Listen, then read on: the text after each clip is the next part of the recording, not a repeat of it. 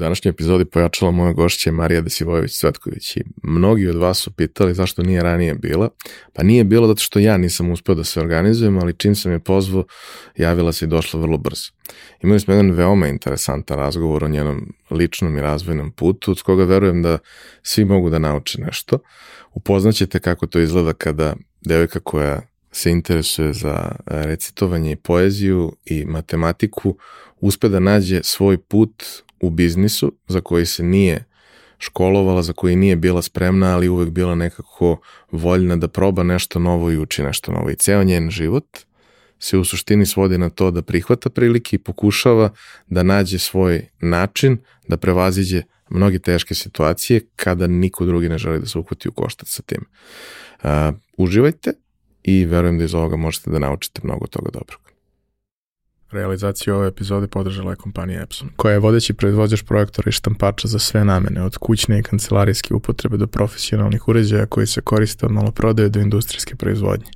Već 20 godina u nizu proizvode najbolje projektore na svetu, a prvi štampač napravili su pre više od 50 godina. I dan danas svaki godin ulože preko pola milijarde dolara u istraživanje i razvoj novih proizvoda sa fokusom na održivo poslovanje i očuvanje životne sredine. Upravo zahvaljujući tome, njihovi inkjet uređaji najnovije generacije prave 94% manje zagađenja od konkurencije uz maksimalan kvalitet otiska. I vaš mobilni telefon koji sada nosite i na kome nas možda slušate i gledate, najverovatnije je napravio robot koji je stigao iz Epsonove fabrike. Roboti su super. Japanski roboti pogotovo. Za slučaj da želite da nas podržite vi individualno, uh, možete da posetite link u opisu podcasta na platformi Buy Me a Coffee i tu možete kupiti mesečnu pretplatu ili jednokratno donirati neki jednost koji želite. Hvala vam unapred na tom.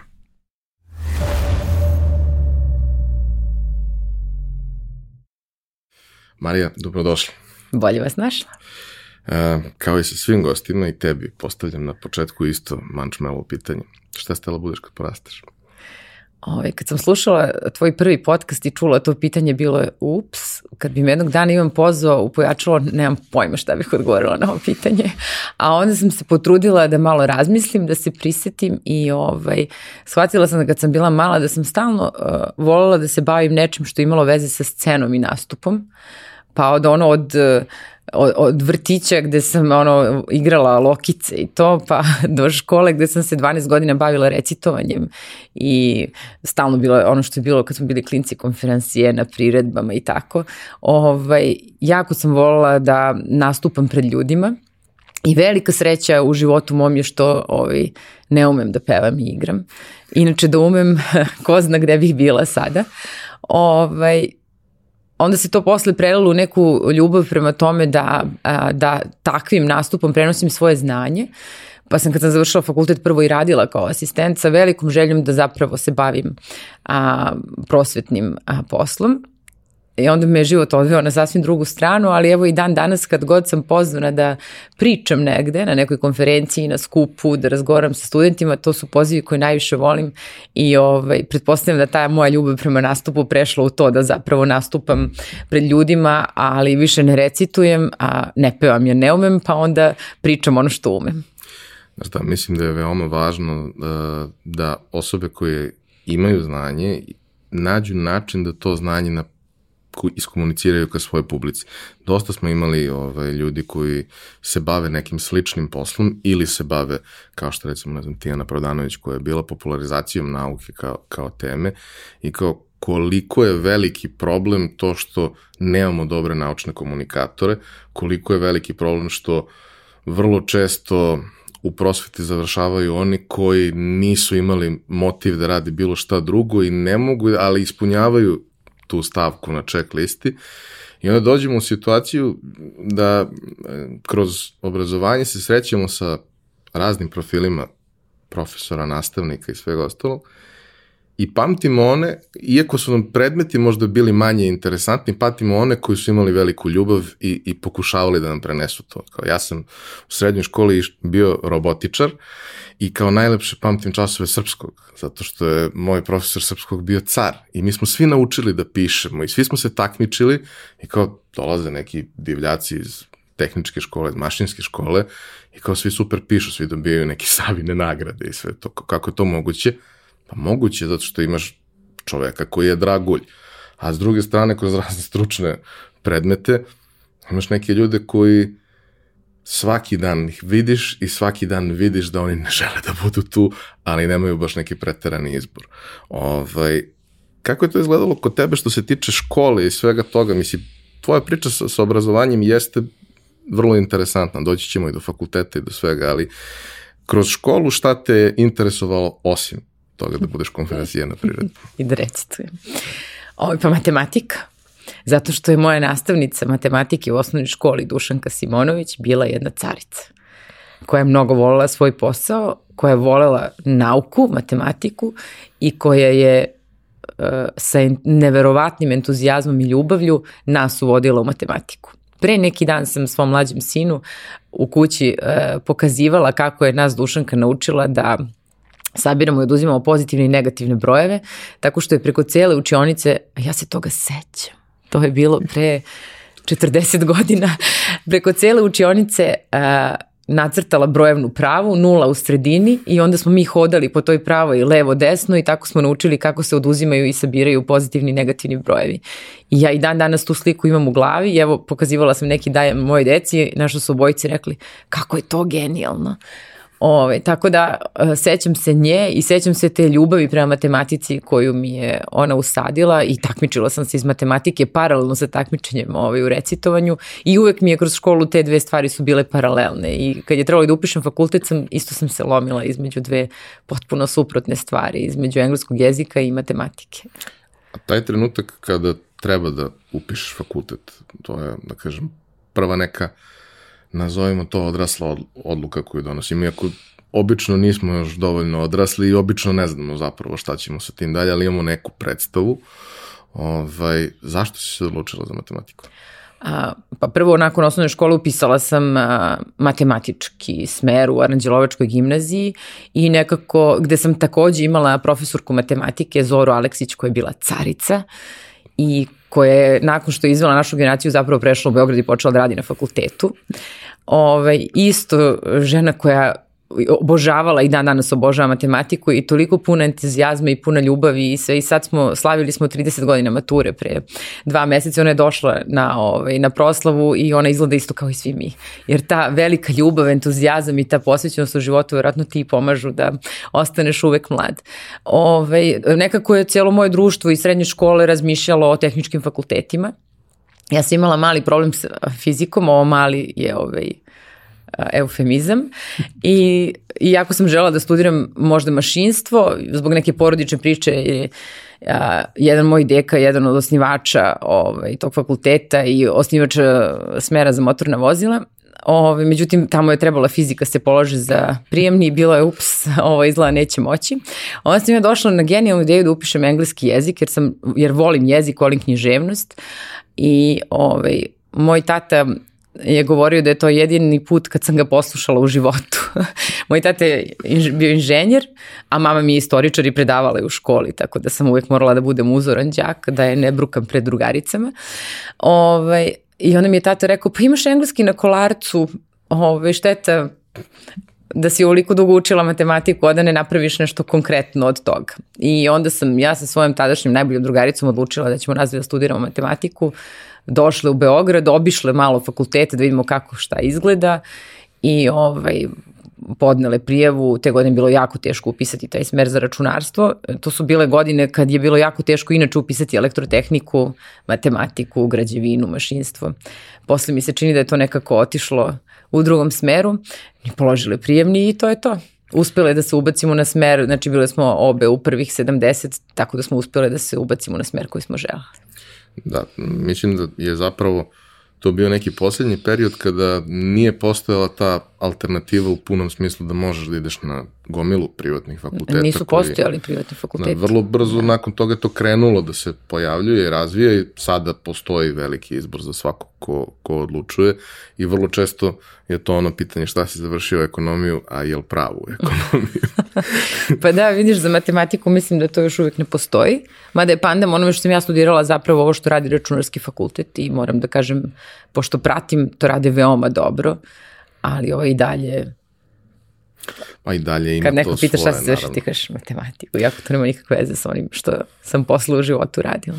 Lepa stvar je što sada imamo za, za IT dosta nekih opcija za vrlo različite specializacije u okviru toga. Neko želi na mreže, neko želi na programiranje, neko želi na multimediju i sve što uz to ide. Zapravo za sve te stvari imaš neko rešenje koje je sasvim, sasvim ok, samo naravno uvek postoji tu pitanje očekivanja studenta ako ljudi dolaze sa idejom da će ih fakultet osposobiti za sve i da mimo toga neće morati da rade ništa, onda verovatno dolaze sa pogrešnim predubeđenjem u tu celu priču. Um, kako je iz tvojeg ugla izgledalo studiranje? Ovaj, zato što pričamo o, o temi koja je i dan danas, da kažem, taj kurikulum koji postoji na tom fakultetu zaostaje za aktuelnim stvarima koje se tiču industrije. Sada sve manje, kroz razne inicijative koje postoje, ali nekako uvek kada pričam sa ljudima koji su prošli tako nešto, ono, dobili su neverovatno dobru teorijsku osnovu i sve, ali su zapravo dobijali relativno mali broj upotrebljivih stvari koje su odmah nešto što možeš da primeniš. Koliko je to bilo dobro govori što većinu ljudi pokupje ovaj, strane firme još tokom studiranja, ali prosto kako je to sve izgledalo? Mislim, to je ipak bio jedan malo drugačiji svet nego što je danas. Nije da. bilo toliko dostupno svima, nisu svi imali računare, nisu postojali pametni telefoni. Gledala sam skoro kurikulum tog smera koji sam ja završila, mislim da se ne poklapa ni jedan ispit. Ovaj, U vreme kad sam ja studirala, to je bio relativno mlad smer, o, ali i bi, bilo je naravno računarskih predmeta, ali su matematički bili u, u ogromnoj većini. I sve ispiti iz računarskih pre, predmeta sam polagala na papiru pisajući olovkom kod. E, mislim da je to dovoljna ilustracija toga gde smo bili. A, mnogo matematičkih predmeta, ja sam to volala, meni to bilo u redu. A, bilo je i par za koje ni dan danas nemam pojma kako sam položila, jer i dan danas nemam pojma šta, se, šta je to bilo što smo mi u tim predmetima učili ali je bilo sjajnih predavača, sjajnih profesora, nekih koje ono nikad neću ni zaboraviti, ne znam, profesor Zoran Lučić koji je predavao geometriju koja je važila za najteži predmet na fakultetu, a na njegovo predavanje nije moglo suđe koliko je mesta bilo zauzeto da bi ga ljudi slušali kako on to priča. A, čuveni profesor Kadelburg koji je predavao analizu bio sjajan. Predrag Janičić koji nas je u stvari na, naveo da volimo ono što je suština programiranja, to su algoritmi I uh, to kad kažeš, mi smo izašli iz fakulteta uh, znajući da programiramo u C-u, što je baš na nije papiru. značilo mnogo na papiru, ali smo znali algoritmiku. I uh, suština je da da imaš mozak koji može da smisli rešenje problema. I mislim da to se danas uopšte nije promenilo. Moj sin sad programira u C++ ili ne znam, moj mlađi ima neki Python i razne stvari, ali ti prvo moraš da rešiš problem. Jer da samo programiraš, pa to je prosto. Da stavljaš u kod nešto što je neko drugi već rešio, to nije a, Nobel zanimanje. To je uh, veoma jednostavno zanimanje koje, kome niko ne treba da teži. Ali umeti da rešiš problem i da, da, da taj problem pretvoriš u neki algoritam pomoću posle koga će neko praviti kod, mislim da je to velika stvar. Tako da sa fakulteta smo u to vreme izlazili ne znajući ništa, ali imajući uh, prvo ozbiljne radne navike, jer taj fakultet nisi mogao da završiš ako nisi umeo da baš dobro zagreješ stolicu. E, izlazili smo spremni da čak i neverovatno, ne, ne za nas u to vreme nebolozne stvari umeš da naučiš, kao što su tih par predmeta koje sam pomenula malo pre gde uopšte nisam ni znala šta učim, ali sam naučila i položila. Znači ta sposobnost da brzo učiš, da brzo usvajaš nova znanja, da, uh, da si spreman da mnogo radiš da bi ta znanja usvojio i taj, hajde da kažem, matematički mozak koji gleda na svet na jedan poseban način, uh, klasifikuje stvari, ume sa njima da radi i ovaj, mislim da je to velika stvar. I da onda odatle šta god da si posle odlučio da radiš, da ti je lakše jer si već prošao ono najteže. Da, mislim. Posebno ako kasnije, izvini, ako kasnije imaš priliku da učiš nešto što voliš. Jer na fakultetu niko ne uči sve vreme ono što voli, jer ima mnogo predmeta i mnogo ispita od toga ne voliš sve. Ali naučiš se da i to možeš da učiš. I onda kad posle počneš da radiš nešto što voliš, onda je to mnogo lakše zato što sve vreme učiš ono što, što ti je blisko. Da, često pričamo zapravo o tome kako ono, kada krećeš da učiš neke osnove programiranja, jeste negde važno da imaš kontakt sa programskim jezikom koji je logičan, sličan prirodnom jeziku, da možeš prosto da ispratiš sve te stvari, ali jednog trenutka kad shvatiš kako to funkcioniše, u principu za sve te bazične stvari ono, treba samo da naučiš leksiku i semantiku novog jezika i ti možeš da napišeš sve to osnovno što, što je postojalo. I mi smo imali kroz srednju školu, mi smo tri različite jezika učili ovaj, dok mene nisu izbacili sa informatike i rekli mi da ne dolazim. Ali jeste to bio slučaj da kao u prvoj godini učiš Pascal jer jeste negde najjednostavniji. Da. Onda prelaziš na C koji je za mnoge bio enigma, jer ne izgleda baš to sve tako logično u Pascalu kao da čitaš rečenicu na engleskom, ovde to baš i nije tako. I onda kao vremenom se stvari usložnjavaju, ali u suštini kad ti to malo se odaljiš, u suštini je to sve manje više isto. Uh, hoću da te pitam još jednu stvar vezano za fakultet. Uh, taj ceo proces ovaj, uh, učenja nečega što nema svoju paralelu u realnom svetu, odnosno tada već postoji neka vrsta IT scene, postoje softverske firme, postoje gomila rešenja koje se razvijaju kod nas za naše ono, lokalne i regionalne potrebe, postoje i neki koji rade sa strancima, ali vi svi prolazite kroz neku paralelnu stvarnost, u principu se kroz fakultet ne dodirujući previše sa tim. Kako je izgledao prvi susret sa industrijom? Pa ja nisam nikad ušla u tu industriju. Ove, ja sam a, ostala da radim na fakultetu za, jed, za jednog od svojih profesora i to je trajalo vrlo kratko jer sam a, potpunim sticajem okolnosti dobila poziv da, i upisala sam magistarske studije na, na matematičkom fakultetu. Ja te studije, sad mala digresija, nisam nikada završila, ali onda pošto sam pre par godina izgubila diplomu, a trebala mi je za nešto, onda sam morala ponovo da izvedim diplomu i na diplomi mi piše master, tako da ne znam ako još jednom izgubim možda bude PhD, vidjet ćemo, ali ovaj, a, upisala sam magistarski i u jednom trenutku je profesor a, sa ETF-a, trebao, trebao mu je tim da se uradi neki naučni projekat i trebao mu je tim i matematičara i ja sam kao student postdiplomskih studija pozvana u taj tim i mi smo sa njim radili jedan, a, Veljko Milutinović je profesor sa ETF-a, mi smo s njim radili neki projekat za koliko ja znam IEEE neki magazin i znam da, smo, da, da imamo rad tamo. I kako smo mi taj projekat radili, završavali, uh, on je hteo na neki način da nam se zahvali na tome i uh, te go, tih godina je Comtrade pravio svake godine Comtrade show, što je bio sjajan kao mini sajam u tadašnjem hotelu Intercontinentala, današnje Crown Plaza, sjajno mesto su ljudi mogli se upoznati sa najnovim tehnologijama. I uh, Vesa je imao ideju da ne želi da na tom sajmu pomažu uh, ono što mi zovemo hostel hostesama, nego je želeo da to budu studenti sa tehničkih fakulteta, postdiplomci i onda je Veljko ceo svoj tim dao Vesi da radi za njega na tom sajmu. I šta je Vesa uradio kao pravi preduzetnik, jeli, sve nas zaposlio. I, ovaj, i moj prvi posao, u to vreme u u Srbiji nije postojao Microsoft i u tom trenutku je Vesa dobijao a, ugovor za distributera Microsofta za Srbiju, prvi ugovor, prvi distributorski nakon svih onih godina sa bugarskim diskovima i a, meni je ponudio da radim taj posao, Uh, pri tom taj posao u Srbiji nije radio niko pre toga da bismo imali od koga da učimo. I ja sam, što se ispostavilo posla u životu, često radila, rekla vaši. I počela sam da radim taj posao i sećam se, došla sam prvi dan na posao, imala sam sreću da radim sa fantastičnim ljudima koji su tada radili u Comtrade-u i sad sam ja tu sela u sto i trebalo je da počnem da prodajem Windows i Office ljudima koji, koji rade na bugarskim diskovima. Tako da to je bilo vrlo zabavno. Ono što sam ustanovila u prvoj nedelji je da ja nikad nisam čula za fakturu, za otpremnicu, za stvari koje su inače uobičajene u prodaji, ali sam takođe shvatila mi se to mnogo sviđa, jer ja radim sa ljudima, imam priliku da komuniciram sa ljudima, da sa njima pričam o zanimljivim stvarima i strašno mi se dopao taj posao. Ja sam tu ostala, u kom tradu sam ostala ukupno više od pet godina, ali sam posle, ja mislim, dve godine prešla da radim u Spinnaker koji je bio Comtradeova firma za software uh, development i za konsultantske usluge i tu sam bila izvršni direktor i bavila sam se ponovo a prodajom, ali ovaj put rešenja jer je mnogo ovaj, lepše, izazovnije i teže prodati rešenje, posebno u to vreme u Srbiji, pričamo o početku 2000-ih.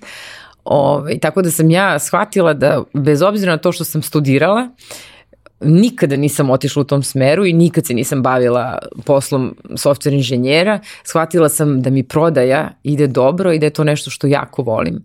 I evo i dan danas se bavim time, ne prodajem u bukvalnom smislu, da prodajem robu i usluge, mislim da danas prodajem ideje i, ovaj, i u najlepšem smislu te reči prodaje i da danas moj posao da ljudima oko sebe prodam viziju i vrednosti i moju ideju sveta i da onda zajedno pravimo fantastične stvari. Razumem, ali to ne menja činjenicu da si ti radila u toj industriji, samo nisi bila programer. A da, bila sam, pa kako ja to gledam više na, ovaj, u to vreme to je bio box moving, zato što je Windows i Office bio u kutiji, pa sad da li je u kutiji Windows ili krompir nije bilo velike razlike u tom trenutku, ali razumem šta hoćeš da kažeš. Samo mislim da su veštine koje su bile potrebne za posao u prodaji potpuno različite od veština koje su ti potrebne da ra baš radiš u IT industriji, uh, u, u software engineeringu i tako dalje.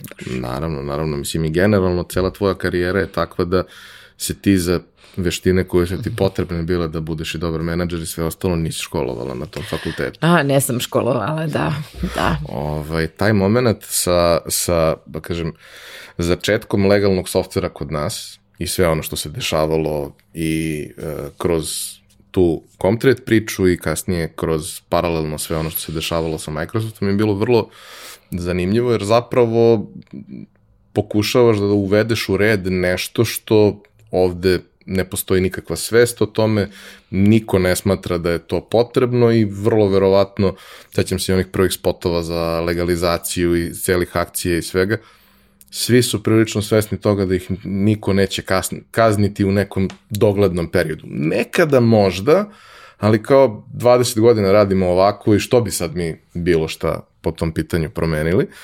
I sećam se, kada sam osnovao prvu firmu na prve prve kancelarije, ovaj, 2007. godine, uh, postojao je program za mala i srednja preduzeća koji nam je davao mogućnost da kupimo licence po mnogo povoljnijim uslovima Jest. i naravno prva stvar koju smo radili kao kupili smo nove računare svima, kupili smo licence za Windows i uh, Office i to je bilo napravljeno tako da narednih nekoliko godina to nama ne bude preterani trošak. Naravno, trošak koji nisi računao ti uvek preveliki, ali kada uzmeš u obzir kao pa eto to je neko sredstvo na kome mi radimo, ok je da imaš da imaš neki trošak vezano za to, a da onda možeš i da očekuješ da ćeš imati neki support i ako nešto ne radi, da imaš koga da, da pozoveš i zapravo ja sam se tad prvi put sreo sa tim da kada pozoveš support, oni ti reše problem. Da. Mislim, to malo traje, jer je obično taj problem specifičan i čudan, ali oni reše problem zato što ti plaćaš za tu uslugu. Nije to sad kao nešto da čekaš kad će da prestane da radi pa da tražiš neko drugo rešenje, neki novi patch, neki novi serijski broj. A da ne preskočimo jedan važan korak, tu je država odigrala ogromnu ulogu.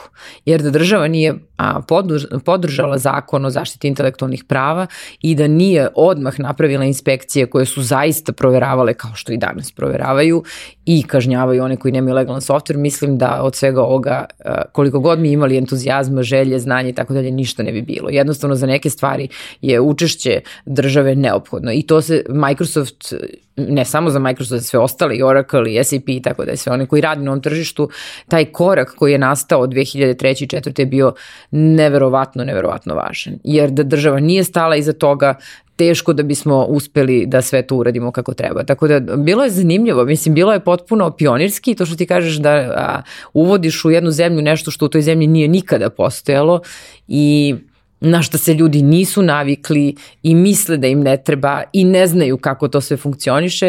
I sad kad sve ovo ispričam, me to strašno podsjeća na nešto što ja sada radim kroz ananas i u stvari ovaj velika je, a to je teško, ali je velika nagrada na kraju kad se okreneš pozadi i sad vidiš da u Srbiji skoro sav softver koji je važan legalan, to je mnogo lepo. A počeli smo tako što smo predavali, nikad neću zaboraviti Windows u kutiji, mislim, to je baš bilo. Ja, ali moram da kažem, iz tog nekog perioda, ovaj, prvi put kada dobiješ tu kutiju, to je mnogo lep osjećaj. Zato što je to uvek bilo dobro spakovano. Uvek je postao neki buklet uz to koji je vrlo interesantan, da. koristan i sve to. Ovaj, ali mislim da postoji još jedna to jako bitna stvar, a to je da, ok, država je propisala sve što treba, krenula to da sprovodi, ali država je napravila i svoj government deal i uzela sav legalno software. Tako je, to je išlo sve zajedno, da. Što da yes. se nije desilo, yes, niko ne bi pratio. Apsolutno, tako. A ovako na neki način kada oni kažu e, ovo stvarno treba, naravno pod nekim mnogo povoljnijim uslovima yes. i sve to, onda pokažeš sa jedne strane i to Microsoftu da si ozbiljan, a onda i sve ostale ozbiljne institucije, firme i svi gledaju kako da naprave neku tranziciju u nekom doglednom periodu. U tom trenutku kad smo to sve počinjali i učili, uh, mi smo zapravo morali da učimo od Microsofta i uh, to je jedna od velikih stvari u mom životu što sam imala prilike da o poslu učim od Microsofta. Znači ja sam od Microsofta naučila o tome kako se pišu e-mailovi, o tome ka, kojem se brzinom odgovara na e-mailove, a, a kada ostaviš e-mail preko noći u, u draftovima i sačekaš ujutru. Naučila sam kako se razgovara sa klijentima, naučila sam kasnije kako se prodaju rešenja. Dakle, smatram velikom srećom u životu što sam imala prilike da od jedne ozbiljne internacionalne kompanije naučim osnove onoga što se zove kultura biznisa, jer u Srbiji je to tek počinjalo i, ovaj, i, i zato je inače dobro što strane kompanije dolaze ovde jer imamo prilike da vidimo šta znači biznis kultura zapadna i da se, da se a, bukvalno edukujemo i vaspitamo u tom duhu. Jedna bitna stvar je da u startu se to suštinski svodi na prodaju off the shelf proizvoda koji ne zahtevaju neki preterani dodatni rad, osim toga da napraviš možda adekvatan paket koji je potreban konkretnom klijentu, ali kasnije, ono što si radila kroz Spinakir i ono što je u principu, da kažemo, i danas napravilo Comtred ovoliko velikim i ovoliko uspešnim, jer prosečan čovek Comtred i dalje doživljava kao firmu koja prodaje hardvera, oni da, ne žive od toga tako. već da. 10 godina. Da. Ovaj, jeste zapravo taj prelazak na tailor-made rešenja koje, ok, nisu 100% custom i sve ostalo, ali jesu prilagođene rešenja nekakvih kompleksnih proizvoda koji su dostupni. Jedan vrlo, vrlo zahtevan miks, što kod nas, opet u tom periodu je vrlo redko bilo dostupno. Veliki sistemi su imali svoje softvere koji su razvijali, često iz 70-ih, 80-ih, i sad je prvi put došlo do toga da se koriste neka globalno priznata rešenja ali ono povlače sa sobom sve te ostale stvari koje interno razvijeno rešenje nema, ne plaćaš licentu, ne plaćaš održavanje, imaš neke ljude u ERC-u i to je to. Pa nemaš neke ljude, imaš Miku koji je napisao softver i ako Miku udari tramvaj, možda zatvoriš firmu. Tako da to je bio jedan od glavnih argumenta koje smo koristili u, u predstavljanju globalnih rešenja, zato što globalno rešenje ne zavisi od jednog čoveka, zato što globalno rešenje i ako ti se ne dopadne jedan implementator koji ti je radio, možeš da uzmeš drugog da kasnije radi održavanje, a trećeg da radi dorade i tako dalje. Znači globalna rešenja znači globalnu mrežu, znači ogroman broj ljudi koje ta rešenja poznaju i znači jednu sigurnost da ne zavisiš, u poslu jako loše zavisiti od, od samo jednog bilo čega. I to je bio dobar argument za prodaju u to vreme I inače ja sam najviše uživala u tom delu posla kada smo a, prodavali, u to vreme mi smo radili Microsoft Navision i prodaja tih stvari je bila sjajna. I ne samo Microsoft Vision, kasnije smo radili i kad je Microsoft krenuo da izbacuje svoje nove proizvode, SharePoint portal i tako sad sam i zaboravila kako su se svi zvali. A, zašto? Zato što prodaja rešenja nije prodaja, a, prodaja i beži. Prodaja rešenja je dugoročan odnos koji se gradi godinama i koji onda i traje godinama. Prodaja rešenja podrazumeva da duboko i sa razumevanjem uđeš u biznis svog klijenta, da poznaješ ono što on radi podjednako koliko i on, da znaš koji su njegovi problemi, da razumeš te ljude koji te probleme pokušavaju da reše, da se njima stvoriš dobre i dugoročne odnose koji ti onda omogućavaju da u pravom trenutku uvedeš svoje rešenje. Ta prodaja takvih rešenja podrazumeva da u nekim situacijama svom klijentu, pošto si postao svojim zalaganjem nešto što smo mi tad zvali trusted advisor, dakle neko kome se veruje, uh, podrazumeva da čak za nekad za neku stvar predložiš i tuđe rešenje. ako je ono bolje od onoga što imaš ti. Jer samo na taj način klijent ti veruje da je tebi zapravo na prvom mestu njegov uspeh. I to važi, mislim, za svu, svu vrstu prodaje koja je dugoročna prodaja koja nije prodaja off the shelf.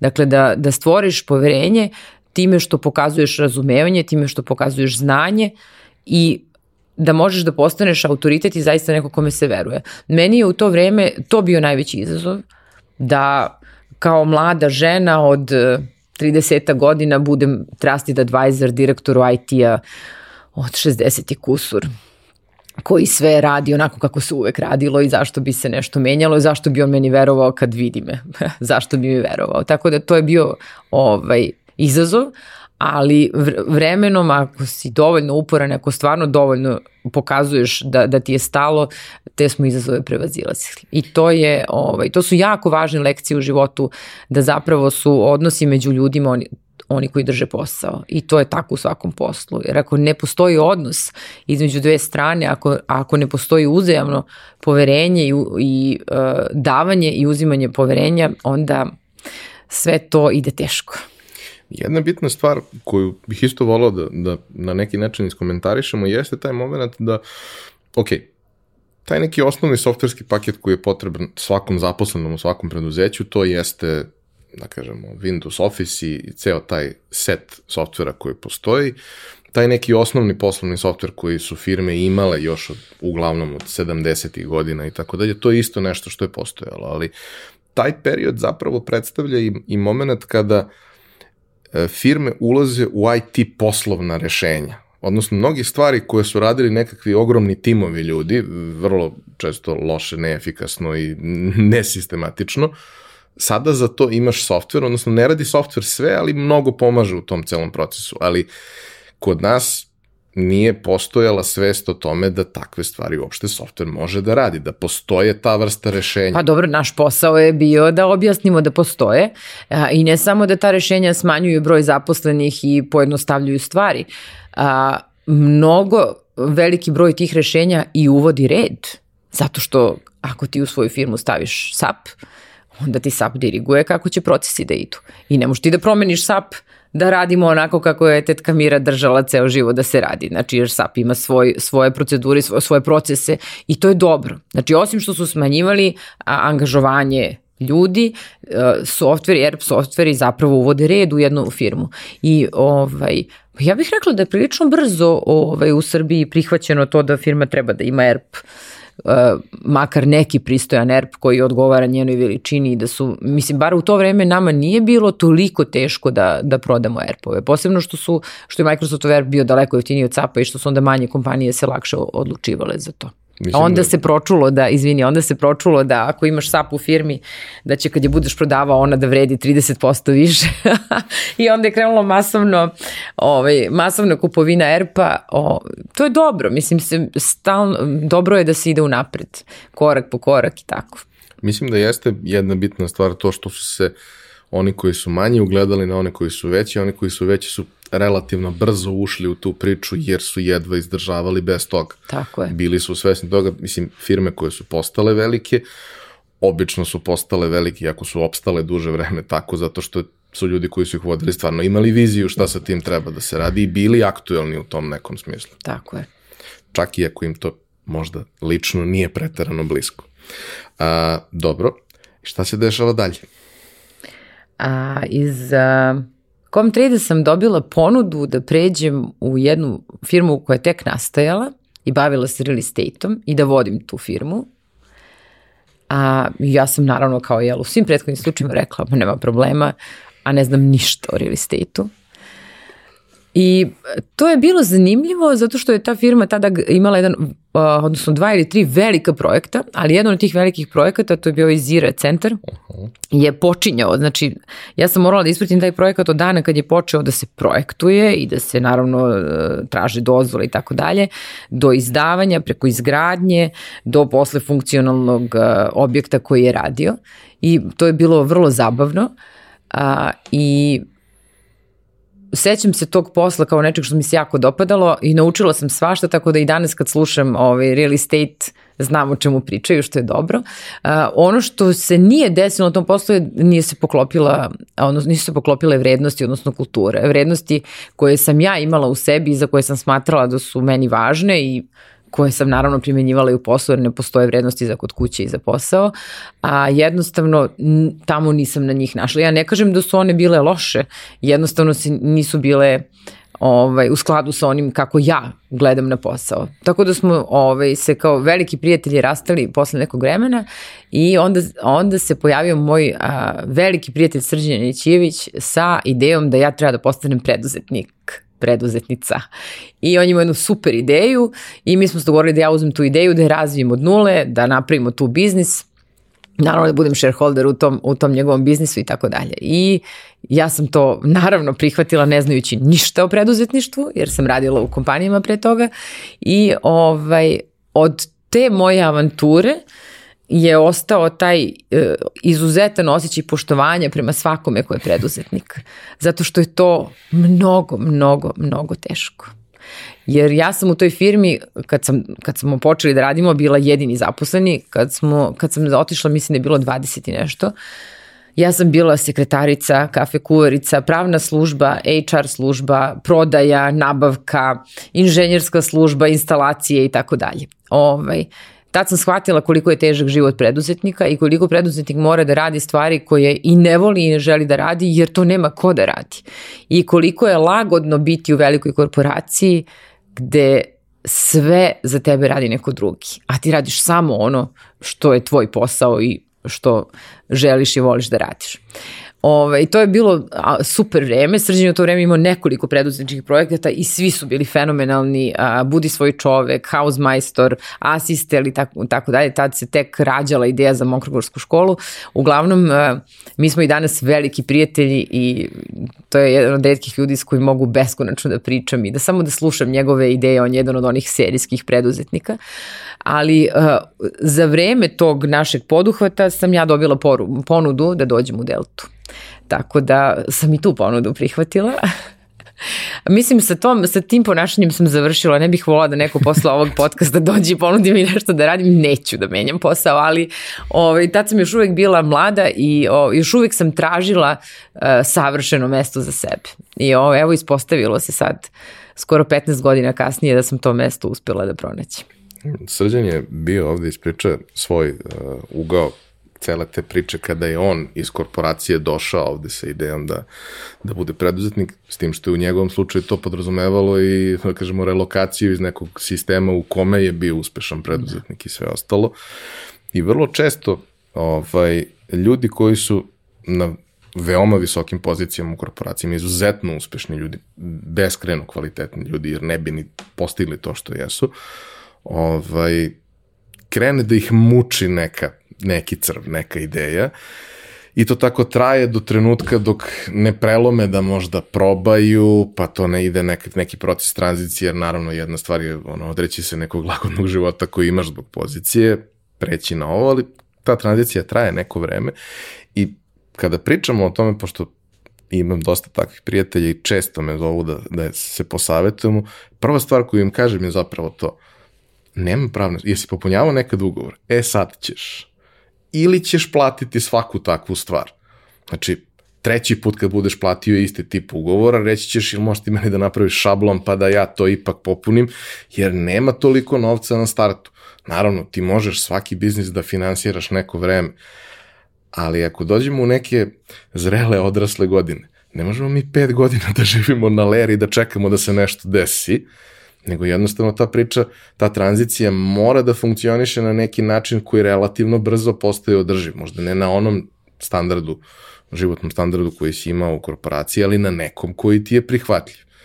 I to je vrlo često ta, ta neka kočnica koja ljude ipak zadržava u korporacijama duže i nekada te ideje nikad ne ugledaju svetlost dana, ne postanu ono što bi trebalo, što je šteta, jer upravo zato što su videli toliko stvari, naučili toliko stvari, stekli toliko kontakata, oni jesu idealni preduzetnici. Samo je to malo teško prelomiti u 40. ili 38. kada si navikao da već 10 godina živiš lepo. Slažem se. Ovaj, A šta je bilo to toliko interesantno kod Delte? A, ja sam, bili smo u Herceg Novom za prvi maj, uh, moj muž, ja i tada naš jedan sin, mali, i na nekoj žurci, na nekom popodnevnom prijemu sam upoznala Miroslava Miškovića, upoznali smo se i malo smo popričali i on je sutradan nas pozvao, uh, jer je on imao ranije neki poslovni kontakt sa, sa mojim mužem, sa Dejanom, i pozvao nas i na ručak. Kao kraći ručak na kom smo mi ostali, boga mi, dugo, ispričali se i nas dvoje smo tu kliknuli, ovaj, ogovarali smo političare i tako. ovaj, um, kliknuli i pričali malo o poslu i tako dalje i da bi mi on na kraju tog ručka rekao pa vi morate da dođete da radite u Deltu. Na što sam ja rekla ne moram da dođem da radim u Deltu i posebno što sam o Delti u to vreme imala istu sliku kao i svako drugi koji u toj kompaniji nije radio. Znači potpuno istu i svi koji nisu radili u Delti znaju koja je to slika.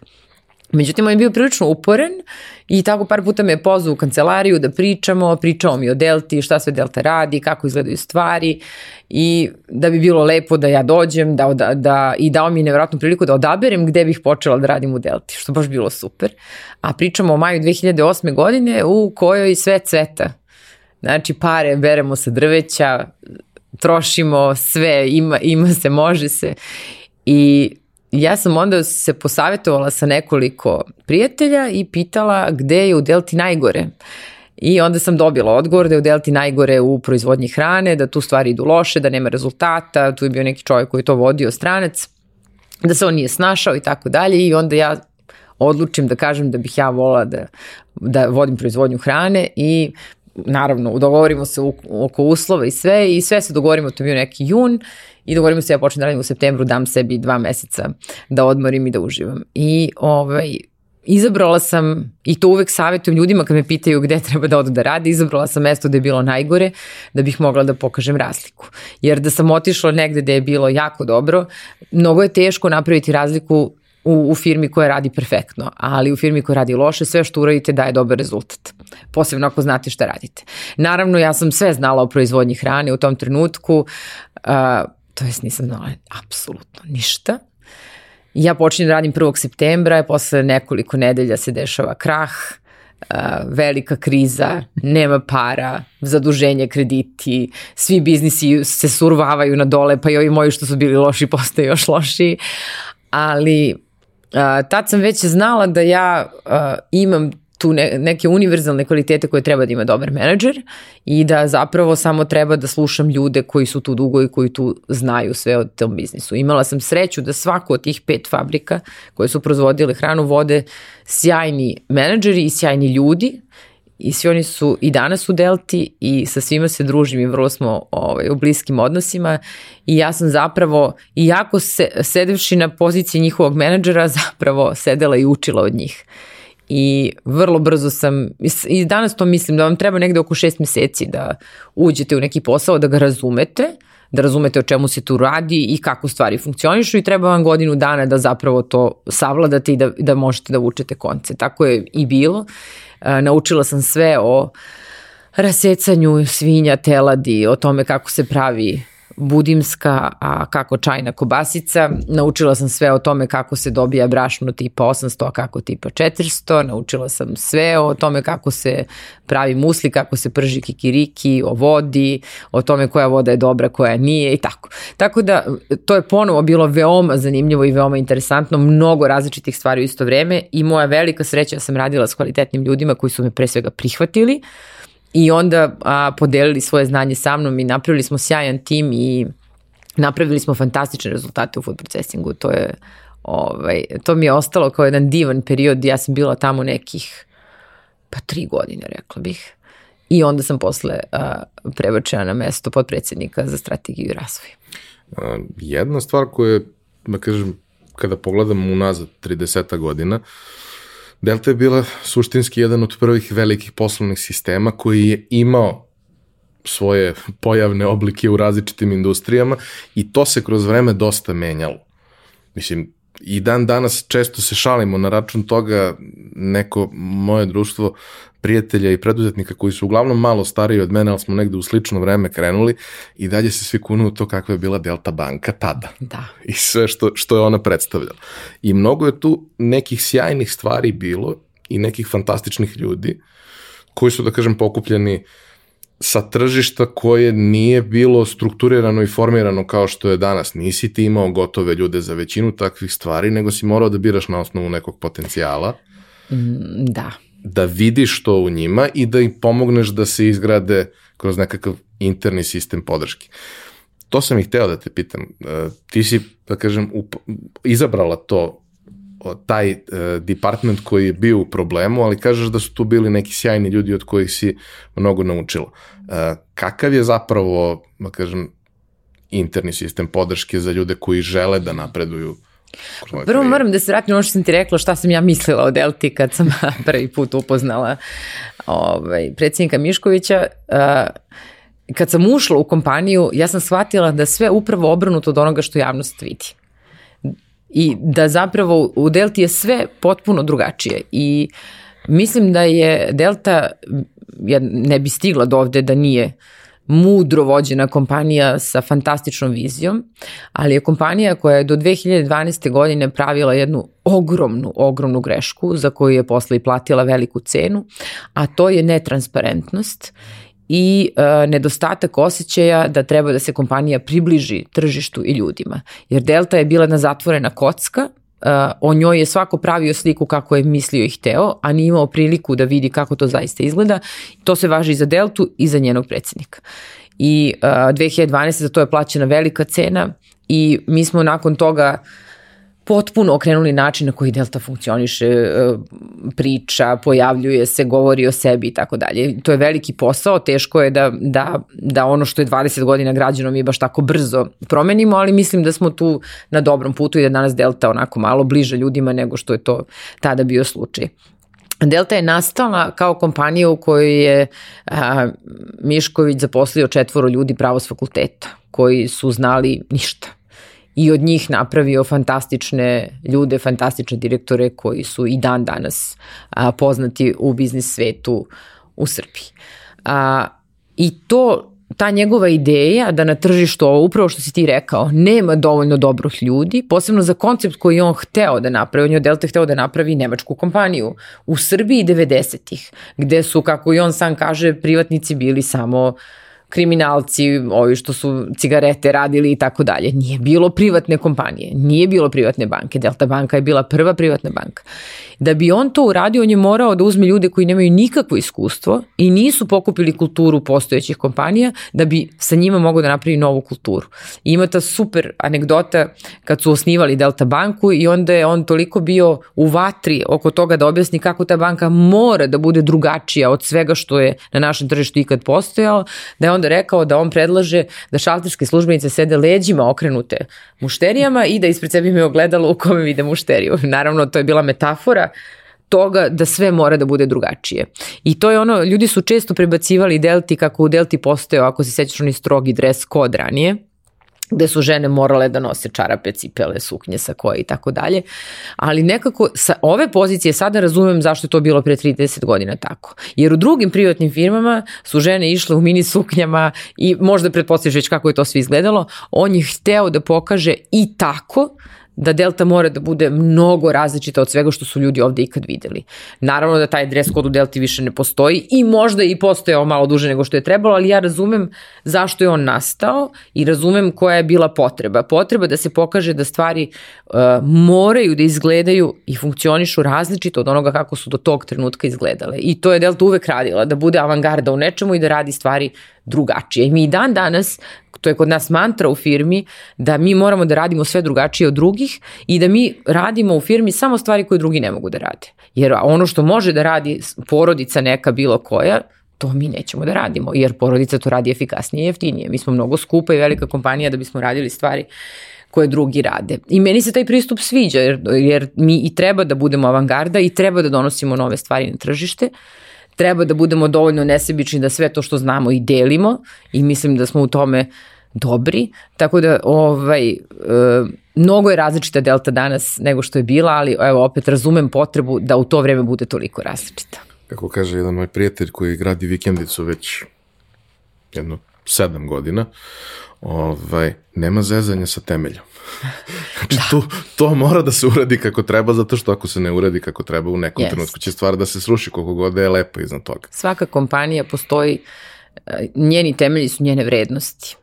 I ono što ta kompanija promoviše u svakodnevnom poslu, to je ono što ona jest. I na taj način se i ljudi privlače. I ako vi znate koje su vrednosti jedne kompanije, i znate koje su vaše lične vrednosti, možete sami da odredite ili to možete raditi ili ne. I uopšte ne znači, ponovo kažem, da su jedne dobre, druge loše. Samo mora da postoji sklad između ta dva skupa vrednosti da bi se čovek negde osjećao dobro i da bi mogao da da sve od sebe na poslu.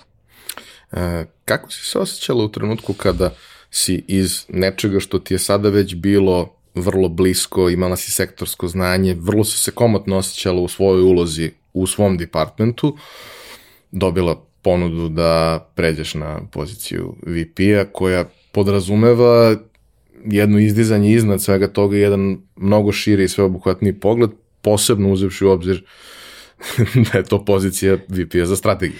Meni to bilo sjajno i nisam uopšte razmišljala o tome da li, da li ću da prihvatim to, a, šta više bilo sam oduševljena takvom ponudom. Prvo, ja sam jako radoznala i mnogo volim što smo iz moje prethodne priče mogli da saznamo, mnogo volim nove stvari i volim da ispitujem nove stvari, da shvatim zašto stvari funkcionišu ovako, a ne nekako drugačije i sve me interesuje, jako me interesuje kako stvari funkcionišu, kako radi, rade različiti biznisi i tako dalje.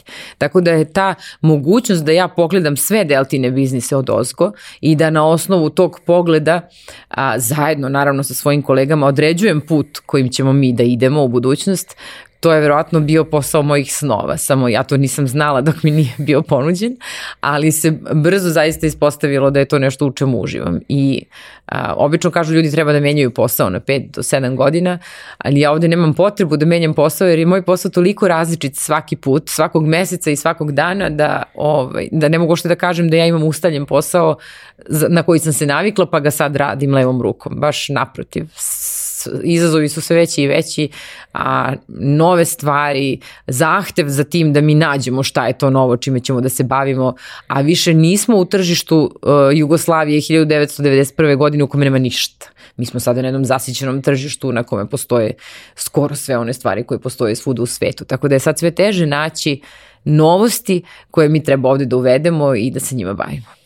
E, volio bih, ako možeš, a znam da možeš zato što sam slušao između ostalog jednu prezentaciju na tu temu ovaj, koju si držala, uh, da nam daš neku vrstu pregleda ok, ti si na toj poziciji 10 godina, ali naravno da znaš šta se dešavalo i pre toga i kako je izgledao proces 30 godina Delte, uh, kako je izgledalo proces transformacije, promene fokusa različitih industrija kroz koje je Delta prošla kao sistem? A, vizija naše kompanije da stvaramo kompanije koje unapređuju društvo u kome živimo i radimo. I ja sam sigurno svaki zaposleni Delta zna da vam kaže ovu rečenicu, jer ona nije besmislena rečenica, nego je ona suština naše postovanja. Mi stvaramo kompanije. To je naš posao. A, nekad kad vidimo šta mi radimo, znači mi ih stvaramo, podižemo, podižemo, podižemo, u trenutku kad su one najzrelije i vrede najviše i imaju najbolje rezultate, tad ih prodajemo. Znači nikad nismo prodali jednu kompaniju koja je krenula da ide na dole, što je obično greška, jer ljudi drže kompanije, drže, drže, pa kad krenu na dole, onda hoće da ih prodaju. Znači to je ono što mi radimo. Mi to umemo da radimo i time se bavimo. Znači Delta je počela tako što je se bavila prvo trgovinom, onda kad su krenule sankcije, dobili smo taj veliki posao u Rusiji da radimo Nike i uh, taj ruski posao i novac koji odatle dolazio, ulaganje u uh, fabriku celuloze na Bajkalu i tako dalje, su doneli novac koji je kasnije u Srbiji kad su prošle sankcije mogao da bude uh, upotrebljen na dobar način. Osnovana je banka, dakle prva privatna banka u staroj Jugoslaviji, uh, osnovano je odmah i za banke osiguranje, i polako se ulazilo u tu neku distribuciju koja je bila vezana za agrar, znači to su bili ovaj, pesticidi, đubriva i tako dalje. A, kad je banka postala dovoljno velika, da više nije mogla da raste organski na ovom tržištu, a bila je fantastična, to je bio trenutak da se ona proda. I kao što znate, i dan danas banka Inteza je jedan od najvećih banaka na tržištu i ono što je za nas najveći ponos i najveća potvrda toga da znamo šta radimo je što je bankom do prošle godine upravljala Draginja koja je bila direktorka Delta banke i što je nju sada nasledio Darko, a ne Italijan koga su poslali iz Inteze da ovde vodi biznis. To je najveće priznanje tome da ste dobro uradili posao. Što se tiče osiguranja, ono je takođe poraslo dosta, ali u jednom trenutku ne samo da ono nije moglo više organski da raste, nego ni naše znanje više nije bilo dovoljno dovoljno da to razvijemo sad dalje, da na primjer, i niti smo imali potencijal da razvijamo u okolnim zemljama i tako dalje. Onda je došao Generali, ponudio partnerstvo i mi smo sa Generalijem 50-50 bili partneri do 2014. Prestali smo da budemo partneri jer 2014. Generali dobio novog CEO-a koji je odlučio da izađe iz svih partnerstava u svetu. I onda su oni u celom svetu, a oni su od Južne Amerike do Azije svuda, a, uzeli da budu 100% vlasnici biznisa. I uh, generalijem danas upravlja Dragan Filipović koji je Deltino dete, koji u Delti od svog prvog dana i tako dalje. Takođe velik, veliko priznanje za nas i za to kako smo mi te poslove postavili.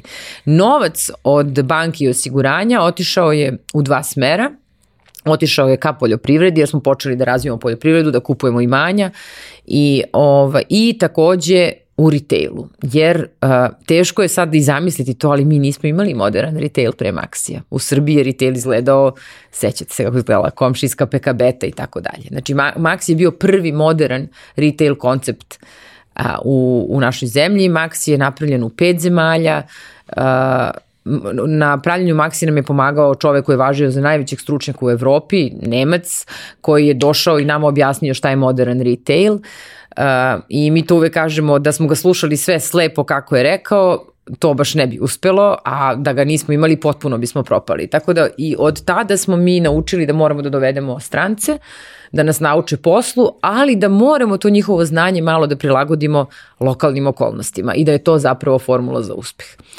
A, u, s druge strane u poljoprivredi smo počeli da ulažemo u imanja, počeli smo da se bavimo farmama, uzgojem životinja, tu takođe smo znali da ne znamo. Otišli smo u Dansku, našli smo Dambred, najbolju firmu na svetu za uzgoj svinja doveli dance da nas nauče kako se to radi i dan danas imamo dance koji nam pomažu u uzgoju svinja. Mi sada uh, uzgajamo oko 200.000 svinja godišnje.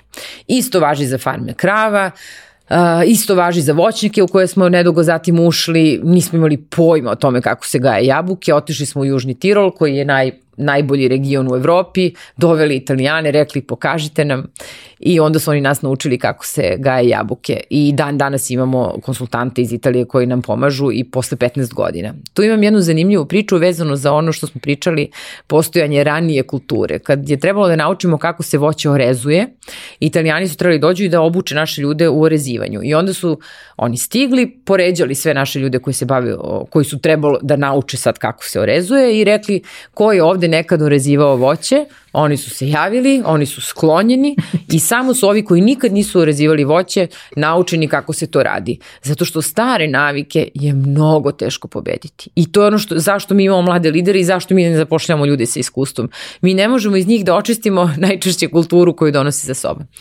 A, poljoprivreda i maksi su rasli velikom brzinom, uz poljoprivredu se onda razvila i proizvodnja hrane, polako smo ušli u real estate, uh, tako što smo dobili da pravimo Belleville, odnosno to je tad bilo univerzitetski grad, Delta City i tako dalje. Real estate se pokazao kao posao koji umemo da radimo, koji je dobar, koji je za nas dobar jer je veoma kapitalno intenzivan, znači samo velike kompanije mogu da rade tako velike projekte i opet ono što malo prekla radimo ono što drugi ne mogu, tako da smo napravili fantastičan tim za real estate koji je to počeo da radi ozbiljno. A, kad je došla kriza 2008. taj naš ogroman rast je naravno usporen, jer nije, nije moglo da se izdrži više da se toliko raste, morali smo da se konsolidujemo, da se sredimo, da sačuvamo kompaniju u svako radno mesto koje smo mogli. A, I 2011. smo prodali a, Maxi, koji je tada pokrivao pet zemalja, znači Bugarsku, Albaniju, Srbiju, Bosnu, a, Crnu Goru. A, prodali smo ga Delezu, to je već čuvena transakcija od jedne milijarde evra i a, onda smo nakon toga prodali i molove Delta City, Beograd i, i Podgorica i to je to tih velikih prodaja. Sve u svemu skoro 2 milijarde evra u nekih deseta godina je uneto u Srbiju kompletno, dakle sav taj novac je došao u Srbiju i investiran dalje u naše nove poslove. Ušli smo u hotele, napravili smo nove, mi sad imamo tri shopping mola, imamo Banja Luku, Niš i Varnu, a, ulazimo u hotele, gradimo hotele, najnovi nam je Indigo u Beogradu, Tre, nadamo se da ćemo uskoro početi da gradimo Intercontinental Beograd, a, agrar se i dalje širi i razvija. Umeđu vremenu za sve ove godine smo ušli u taj posao distribucije u kome je naš Delta Auto, DMD koji je koji prodaje Nutella u Srbiji, tako ga svi najbolje znamo i stalno se šalimo kako je DMD jednako Nutella. I onda smo pre nekih deseta godina ušli u posao logistike jer smatramo da je to posao budućnosti. I to je naš Delta transportni sistem DTS, oni kamioni koji vidite sa šarenim strelicama po po ulicama i po putevima. A, I to je to. Onda smo pre par godina rekli da ako hoćemo stalno nešto novo, morali bismo malo da pogledamo bolje moderne tehnologije. Uh, Počeli smo kroz taj naš Delta inkubator gde smo krenuli da gledamo šta tu ima od startupa na tržištu Srbije, neke smo, jedan smo napravili svoj interni startup, neke startupe smo uzeli, u njih investirali, razvijali, imamo i dalje nekoliko startupa u tom našem ekosistemu, ali smo na kraju shvatili da nama i treba next big thing i na ideju za ananas smo došli uh, u aprilu 2020. godine dok smo svi bili zaključani u kućama ovaj, zbog covid -a. Da li je trebalo da se toga setimo ranije? Trebalo je, Ni, ali nismo. Prema tome, e, možda smo počeli i možda smo i počeli u najbolje moguće vreme imajući u vidu koliko je zrelo, odnosno nezrelo tržište u Srbiji. Uglavnom, mi smo ideju Ananas razvijali to proleće i leto. U septembru 2020 smo odlučili da ćemo u taj posao da uđemo. Uh, u januaru 21. smo počeli da razvijamo softver da bismo a, uz, neke, uz neka štucanja o, o, na prelazu iz 21. u 22. godinu zapravo počeli da radimo u martu ove godine i evo Ana nas je sad e, već sad ja boga mi smijem da kažem broj jedan e, marketplace u Srbiji. E, jedna od stvari, dakle, taj ceo biznis sa marketplace-ovima u e-komercu. Mnogi su pokušali pre toga da naprave nešto slično, većina nije uspela iz raznih razloga ili makar nije uspela da to napravi dovoljno velikim. Neko je tu možda i napravio neko dobro rešenje, ali ono jednostavno nije raslo onoliko koliko bi trebalo. I u tom smislu mislim da je zapravo trenutak bio idealan. Jer pre toga bi bilo možda previše rano. Vi ste firma koja to može da izdrži, može da izdrži da tržište sazri, ali možda bi se količina entuzijazma izgubila tokom da. tog vremena i možda bi bilo previše teško ići uzvodno period od nekoliko godina. Ja sam posle svih ovih godina počela da verujem da se stvari dešavaju baš onda kad treba i, i ovaj, iako to možda nije tačno, odnosno verovatno nije lepo mi je da to verujem, tako da ovaj, i placebo radi svoj deo posla. uh, ok, napravili smo neki presek šta je to Delta radila ovih 30 godina i šta se dešavalo od trenutka kada si ti postala uh, VP. Uh, kako je izgledalo tvoj, tvoj lični put transformacije kroz ceo taj proces, zato što, kao što smo negde rekli, ti dolaziš sa inženjerskog backgrounda, završila si matematiku, bavila si se prodajom u softverskoj industriji, onda se bavila uh,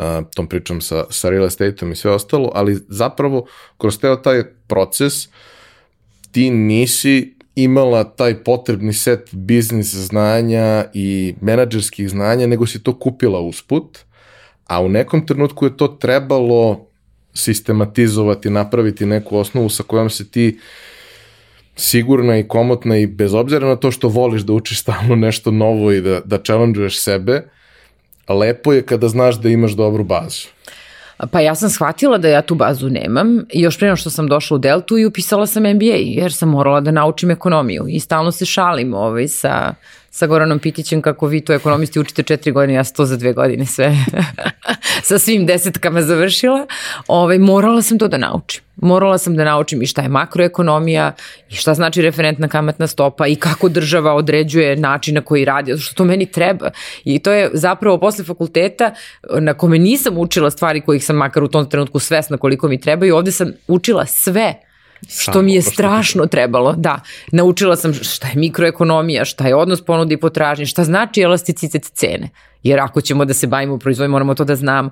Znači, naučila sam a, kako banke funkcionišu, a, kako, se, kako se rade investicije, naučila sam šta rade berze, naučila sam ono što se u Delta inače jako, jako ceni i jako traži da radimo analizu finansijskih izveštaja. I u Delti ne može da se radi ako ne možeš u tri ujutru da pročitaš bilans uspeha nepoznate firme i da odmah znaš o čemu se radi. Znači, to je jednostavno tako. Mi smo naučeni da tako radimo. Naučila sam šta je cash flow, zašto, zašto je to različito različito od bilansa uspeha i tako dalje. I uh, onda sam se samo čudila kad sam došla u Deltu kako je moguće da sam pre toga radila u firmama u kojima to nisam znala i u kojima se verovatno niko osim sektora financija time nije bavio. I to mi je bilo fascinantno. Kako je to moguće? Pošto je u Delti pre rekvizit da toga da budeš menadžer da apsolutno vladaš financijama. Znači, ne moraš da znaš baš tačno na koji se konto knjiži šta, ali ja sam čak i to u, onda u Delti imala internog mentora koji me je tome učio da bih naučila šta je knjigovodstvo, ali jednostavno ne možeš da vodiš biznis ako ne umeš da gledaš u cifre koje, koje govore šta ti u tom biznisu radiš, jer re, onda s druge strane nemaš pojma šta radiš. Tako da sam ja završila taj MBA, naučila ono što mi je trebalo, a e, nastavila da razvijam veštine koje su meni bile važne, jer sam negde tad baš pri prelasku Delti shvatila da je ono što ja hoću da budem ne menadžer nego lider i da ja moram da razvijem stvari koje su važne za lider. Za, da bi se to razvilo, naravno da postoji, da je u stvari nekim ljudima lakše da to postanu ako su rođeni kao ekstraverti, kao ljudi sa a, visokom emocionalnom i socijalnom inteligencijom, naravno da je lakše. Ali mora da se uči. A, I ja sam to radila, to se radi na dva načina. Prvi je bio, mislim da sam pročitala sve knjige o liderstvu koje su bile popularne u to vreme u svetu i drugo imala sam sreću da mogu da odim i da se obrazujem na najboljim svetskim univerzitetima. Tako da sam bila, e, učila liderstvo na Harvardu, učila pregovaranje na Whartonu, učila Finance for Non-Finance na Oxfordu, bila na Kolumbiji na liderstvu već dva puta i tako dalje. To je jedan način, dakle da se, da se malo, to je jako dobro izmestiti se odavde, otići među uh, lidere iz celog sveta i sa svih kontinenta iz različitih industrija, učiti nove stvari, onda se vratiti ovde i to primenjivati čitanje knjiga i ona druga stvar koja je mnogo važna je da se to radi svaki dan. Jer džaba što čitam knjige i što sam na Harvardu čula sve koncepte i što, imala sam sreću da mi John Cotter predaje ceo jedan dan, ono 10 sati, a, sve je to mnogo lepo, ali ako ja to ne primenim svaki dan sa ljudima sa kojima radim, to je sve bačen, bačen novac i bačeno vreme pre svega. Tako da ovaj, sam se tome mnogo posvetila i shvatila sam da je da kod liderstva onda više nije važno koja je industrija u pitanju. Liderstvo je a, rad sa ljudima. Liderstvo je, suština liderstva je da se ljudi emocionalno vežu za ono što rade.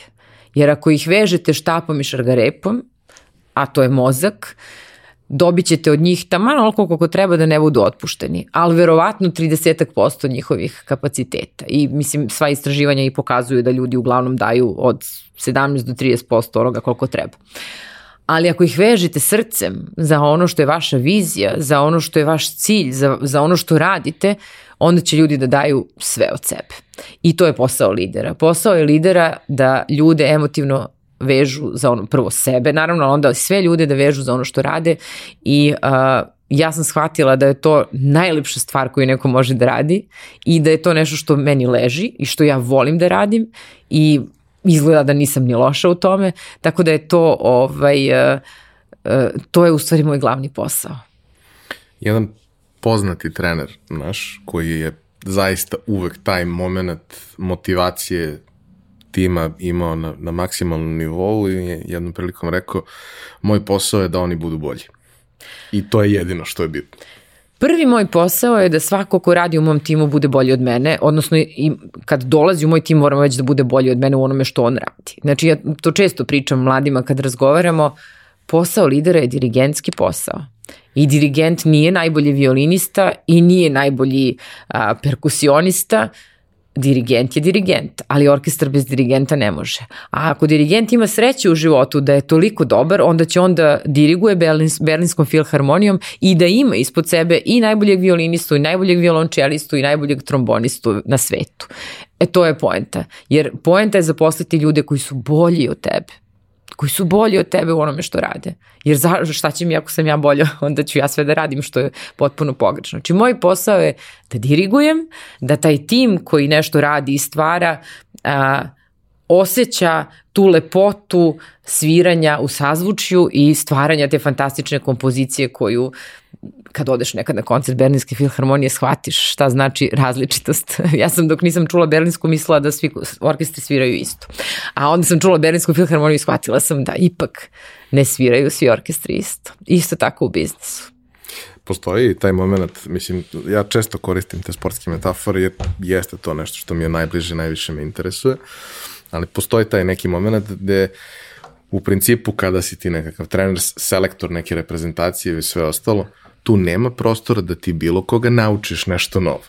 Vrlo je kratak vremenski period i tvoj zadatak je da izvučeš iz njih maksimum, da organizacijski istakneš svoje dobre strane tog tima, da sakriješ one slabe strane ili da na neki način ih eliminišeš i ta pozicija je izuzetno teška i zahtevna, zato obično najbolji treneri uspevaju da naprave rezultate u takvim situacijama. Ja čvrsto verujem da najbolji sportski treneri ovaj, nisu oni koji najbolje poznaju sport, nego oni koji najbolje poznaju psihologiju. I ovaj, zato mi je Ted Lasso fantastična serija, što je Ted Lasso je toliko dobra serija i zapravo ošte nije vezana za futbal i namerno su iskarikirali sve da on čak ni ne zna koliko igrača igra, a dolazi bude trener, ali to je tako dobra serija i sve poruke koje se tamo šalju su toliko pametne. Ovo, to je Klopov slučaj. Mislim, mi svi znamo da Klop nije najbolji poznavac futbala i da u sebe imao dugo godine onog sa naših prostora čoveka koji mu je pomagao oko futbala, ali on je nešto drugo. I to što je Klop, mnogi drugi nemaju i zato je on postigao uspehe kakve je postigao i postiže. Upravo u jednoj sličnoj situaciji, nakon jednog velikog uspeha koji smo ostvarili, pričam sa čovekom iz stručnog štaba te reprezentacije koji mi je stric i on mi kaže, ne razumeš, mi njemu svi sve verujemo. On nama nešto važno? kaže, a mi njemu svi sve verujemo. Koliko je to važno? I to kad je... nekom kažeš da nešto može, on zna da ne može, dok mu ti to nisi rekao. Tako kad je. si mu rekao, kako onda ne veruje tebi kad si ti nešto na čemu se bazira ceo njegov život? Nadam se ljudi mogu da razumeju koliko je to teško. Koliko je teško biti lider u odnosu na to da budeš menadžer. Menadžer je sve na papiru, sve je proces, sve je exact, jasno sve i egzaktno i treba da kontrolišeš, da proveravaš, da postavljaš ciljeve, da vidiš da su realizovani, ako nisu da nešto promeniš iza toga i da ponovo gledaš kakvi su. A ovo neopipljivo mnogo je teško i mnogo je redko. I ja, mislim, ja, čini mi se da u sportu nepogrešivo prepoznajem. Ja mnogo volim sport i pratim i nikad nisam volala Murinja, a volim Klopa. Jer mislim da on radi pravu stvar. A, hoću da te pitam još jednu stvar. Dakle, dao sam primjer koji nije uporediv sa onim što vi radite iz razloga što tu imaš zadat tim, odnosno da kažemo fiksne članove koje možeš da menjaš, ali nemaš baš najslobodniji izbor na svetu. Imaš konačnu količinu vremena koja nije prevelika i neki rezultat koji je potrebno kratkoročno dostići, napraviti, podići maksimalnu motivaciju za događaje koji slede za par nedelja, održati je nedelju dana, dve i doći do rezultata. Potpuno je drugačija situacija ona iz koje vi dolazite u smislu da vi to birate ljude koji su platno sa potencijalom i onda od njih pokušavate da napravite, da im pomognete u tom procesu da oni izrastu to što treba i sve što ustojite. Kako te ljude birate? Misliš na program Mladi lideri? Ne samo, i, generalno za ceo princip kako Uglavnom kako mi Delta. primamo ljude preko mladih lidera. Znači u Delti je jako teško dobiti dozvolu da se zaposli neko ko ima već radno iskustvo i za to mora se traži dozvola, a, a mla, za mladi, mladi lideri su, mi svake godine imamo između 40 i 50, jedne godine smo imali skoro 60 mladih lidera. Ubaciti sve te mlade ljude u firmu prvo nije lako, a drugo fantastično je, zato što oni razmrdaju sve. Ovaj, mi na konkursu jasno komuniciramo da su nam potrebni studenti ili absolventi ili već sa diplomom ili studenti master studija, pošto sad po ovom novom vidim da svi kako diplomiraju odmah idu na master. Uglavnom mladi ljudi, mislim da je, nam je 27 godina starostna granica. Nama se svake godine prijavi tako, jedne godine smo imali 4000 i nešto ljudi, obično bude oko 2000 ljudi, a proces selekcije je u nekoliko nivoa, prvi su bazični, rade se preko računara i preko softvera, dakle ispitivanje bazičnog znanja jezika, opšte kulture i tako dalje, onda postoje uh, dva nivoa koje se rade do, dolaskom u Deltu i to radi naš HR, odnosno naši psiholozi koji su zaposleni u HR-u, imaju vrlo, vrlo specifičan način kako se ti ljudi selektuju, nisam ulazila u detalje pa ne bih znala da ti kažem baš detaljno šta, šta testiraju. Ono što znam je da je poslednji test koji imaju pre nego što dođu do, do nas koji nismo iz HR-a jeste a, test rada u timu. I oni dobijaju timske zadatke, a onda koleginice iz HR-a posmatraju njihovo ponašanje, rad, razgovor i tako dalje i dobijaju ocene.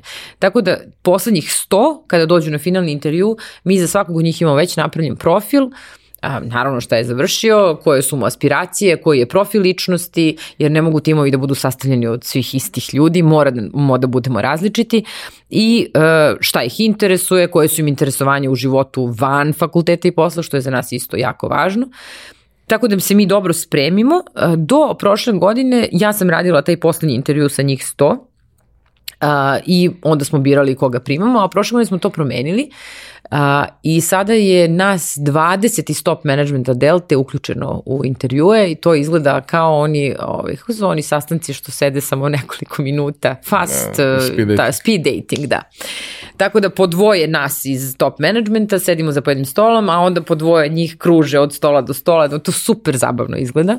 Moramo da br brzo pričamo, mada se mi zaista svi već dobro prime, uh, pripremimo i većina nas u top managementu dete sad već ima dovoljno iskustva da zapravo za vrlo kratko vreme može da prepozna veliki potencijal i mi, naravno da grešimo, ali mislim da vrlo redko grešimo. Izaberemo 50 najboljih i onda ih podelimo po biznisima. Većina njih ide na rotacije, dakle tri puta godišnje promene mesto na kome rade ali oni koji su usko, usko stručni i žele da rade u toj uskoj struci, na primjer stočari koji žele da rade na farmi, ne teramo ih da idu da prodaju BMW kad oni ljudi žele da rade na farmi. Isto važi za IT inženjere koji žele da rade u IT-u, ali oni u IT-u onda mogu da rotiraju različite pozicije da bi pronašli šta im najviše odgovara. U tih godinu dana osim što dakle menjaju poslove i uh, upoznaju različite delove delte, oni na početku imaju tih sedam dana upoznavanja gde obilaze apsolutno sve delove delte. Oni imaju mnogo uh, obuka i prolaze razne treninge. Takođe rade i po jedan veliki projekat te godine, svako od njih dobije temu, podele se u grupe od po 5, 6, 10 njih i obrađuju tu temu, u novembru mesecu brane te projekte, najbolji projekti budu nagrađeni. I uh, ono što se desi je da većina njih dok ne istekne tih godinu dana već dobije ugovor za stalno, odnosno da ih svaki biznis mazne za sebe kako ih vidi da, da im odgovara. I do sada je kroz taj naš program pre, prošlo skoro, pa skoro 400 ljudi, i mislim da samo dvoje ili troje nije na kraju programa ostalo u Delti u smislu da, smo, da, da im nismo ponudili posao za stalno, što ja mislim fantastičan procena. Znači 99% njih ostaje u Delti. Naravno da neki odluču da odu ili za vreme programa ili dok su u firmi, ponovo iz različitih razloga. Neki odu da nastave školovanje u inostranstvu, neki se zaposle u velikim kompanijama u inostranstvu, ne, u inostranstvu, neki jednostavno ne nađu se da su, da su kompatibilni sa deltinom kulturom, što je takođe u redu, pa po, rade u drugim kompanijama i sa svima njima smo u dobrim odnosima, oni imaju taj svoj alumni, pa se druže, prate gde je ko stiga u životu i tako. Ono što bih volao... Izvini, je... još samo jedna stvar, pošto sam pitao kako biramo. Ovaj, e, da. Uh, mi često od njih imamo pitanja, da li gledamo koliki je prosek nemam pojma koji im je prosek, niti smo ikada to pogledali. Gledamo šta su završili čisto zbog toga što inženjeri poljoprivrede najčešće želje da rade u poljoprivredi, pa nam je to bitno. A, I IT inženjeri obično imaju šta su završili, ali ovi ostali ja nemam pojma šta su oni završili. Znači zaista to potpuno nebitno. Od prilike nekih desetak godina nakon početka rada u IT-u i oni se zainteresuju za poljoprivredu. Moguće. o, da, to si baš lepo rekao. Uglavnom, a, ja sam stalno govorila ranije kad me pitaju ovaj, šta ja gledam, ja sam stalno govorila gledam sjaj u očima. I to je jedino što me interesuje. Onda, smo, onda su naši iz HR-a pronašli da postoji neki forum u Srbiji koji se bavi, koji za jednu temu ima mlade lidere i neko je to tamo napisao i preporučio kandidatima da stave kapi u oči pre što uđu na intervju. Ove, ovaj, pa smo posle im objasnili da nisu to, nije to taj sjaj. Ovaj, sa mnogo godina iskustva ti vidiš kome radi stomak. Ti vidiš ko će da izgori. Ti vidiš ko će da, da sve uradi da postigne nešto u životu, ko, će, ko želi da uči, ko želi da napreduje, ko je spreman na, na svaku vrstu nekih malih žrtava da bi napravio veliki uspeh. To se sve vidi. Znači kako progovore to vidiš. Tako da to kad ja kažem sjaj u očima, ono što kažu englezi, uh, we don't hire experience, we hire attitude i to je ono što mi radimo. Mi zapošljavamo tvoju tvoj potencijal i tvoju budućnost. Pošto ste i onako došli svi ovde kod nas da ne znate ništa i oni to vrlo dobro znaju, mi zapošljavamo njihov potencijal. Naravno da ne pogodimo svaki put. Naravno da ja imam svest o tome da ako mi treba software inženjer koji će da piše kod, neću da vidim osobu koja je ekstravertna i koja, sve to jasno i, i time se rukovodimo kada biramo ljude, ali generalno pravilo je da možeš da prepoznaš kad neko želi i možeš da prepoznaš nekoga ko ništa ne želi. I to je baš lako. Generalno, postoji sad jako velika odgovornost u toj celoj priči. To je da ti neko da svoj potencijal i svoju budućnost u ruke na neki način i onda šta raditi sa tim dalje. Kako, ok, objasnila si kako izgleda prvi godinu dana, ali cilj je da ti ljudi ostanu u kompaniji dugo možda i celu karijeru kroz različite vertikale ili kroz jednu kako god, ali cilj je da ostanu tu jako dugo. Da bi ostali jako dugo, moraju non stop da imaju motivaciju, moraju non stop da imaju neku vrstu podrške, mora da postoji i nekakav projektovani karijerni put za njih da. i sve što usto ide, što jeste često kada pričaš sa tim ljudima koji imaju jako puno potencijala, njih ne moraš da pitaš gde sebe vide za pet godina, uh -huh. oni ti kažu. Uh mhm. -huh. Oni ti kažu gde žele da stignu. Ima ih i koji kažu, ne znam gde ću biti za pet, ali za 20 želim da budem tu. Pa sad kako ću da dođem tamo, to ćemo još da vidimo. Ali kako to kod vas funkcioniše izgleda? Ono što sam propustila da kažem jeste da oni u prvoj godini imaju mentore. Znači svaki mladi lider ima svog mentora i to su ljudi iz menadžmenta Delte koji su zaduženi da tih prvih godinu dana kao da su došli u vrtić, o njima vode računa u smislu da nauče šta je to kompanija, kako stvari funkcionišu, šta je važno, šta nije važno, kako se mi ponašamo, kako se ne ponašamo, pre svega prema kolegama, šta znači timski rad i tako dalje. I mentori veoma ozbiljno uzimaju taj posao. Mi imamo naravno sistem ocenjivanja i mentora i mladih lidera, tako da mi svaka tri meseca to gledamo, popravljamo šta možemo i tako dalje. Nakon te prve godine oni ostaju da rade u Delti u najvećem broju slučajeva, nemaju formalan mentorski program program, ali mi imamo te neformalne mentorske programe gde veliki broj zapravo zaposlenih u Delti ima svog mentora u kompaniji koji je bilo ko u kompaniji kome se on obratio za, ja mislim da ja trenutno imam četvoro ili petoro kojima sam mentor u Delti. Na najrazličitim pozicijama, najrazličitiji senioritet od mladih lidera do kolega koji su veoma seniori u kompaniji. To svi radimo jedne za druge zato što želimo da, da ljudi mogu da napreduju. Postoje dva načina na koji a, mi omogućavamo tim mladim ljudima da, da brzo realizuju to što je bio njihov san. A, jedan je prvo da smo mi odavno ukapirali da tim ljudima kad dolaze da rade kod nas plata nije na prvom mestu. I to je tako u svim istraživanjima u svetu, ali mi u Delti radimo svoje istraživanja i to se poklapa. Dakle, podrazumevajući da je plata na pristojnom nivou od koga može da se živi, tim mladim ljudima na prvom mestu nije ta plata, na prvom mestu je mogućnost učenja i razvoja i napredovanja. Dakle, to je prvo što oni žele od svog radnog mesta i od toga to nijedne godine nam to ne odstupa. Druga stvar im je sa kim radim i u kakvoj atmosferi. I kad smo mi shvatili da su te dve stvari najvažnije, onda smo se mi tim stvarima posvetili. Dakle, ovo s kim radim i u kojoj atmosferi, e, to je naša korporativna kultura, to je ono kako mi živimo i radimo, a ovo prvo je da im omogućimo zaista da uče stvari koje, e, koje na drugom mestu možda ne bi mogli da nauče tom brzinom. Kad smo gradili Intercontinental Hotel u Ljubljani, glavni arhitekta tog hotela je bila mlada liderka koja je to bio a, prvi projekat u životu. Ona je došla sa fakulteta kod nas u januaru i mi smo taj projekat a, započeli recimo dva ili tri meseca posle toga i ona je vodila taj projekat. Ona je sa svojih 24 godine uradila posao koje njene kolege arhitekte uh, ne urade nikada u životu, jer je uradila hotel u, u projektu od 40 miliona evra.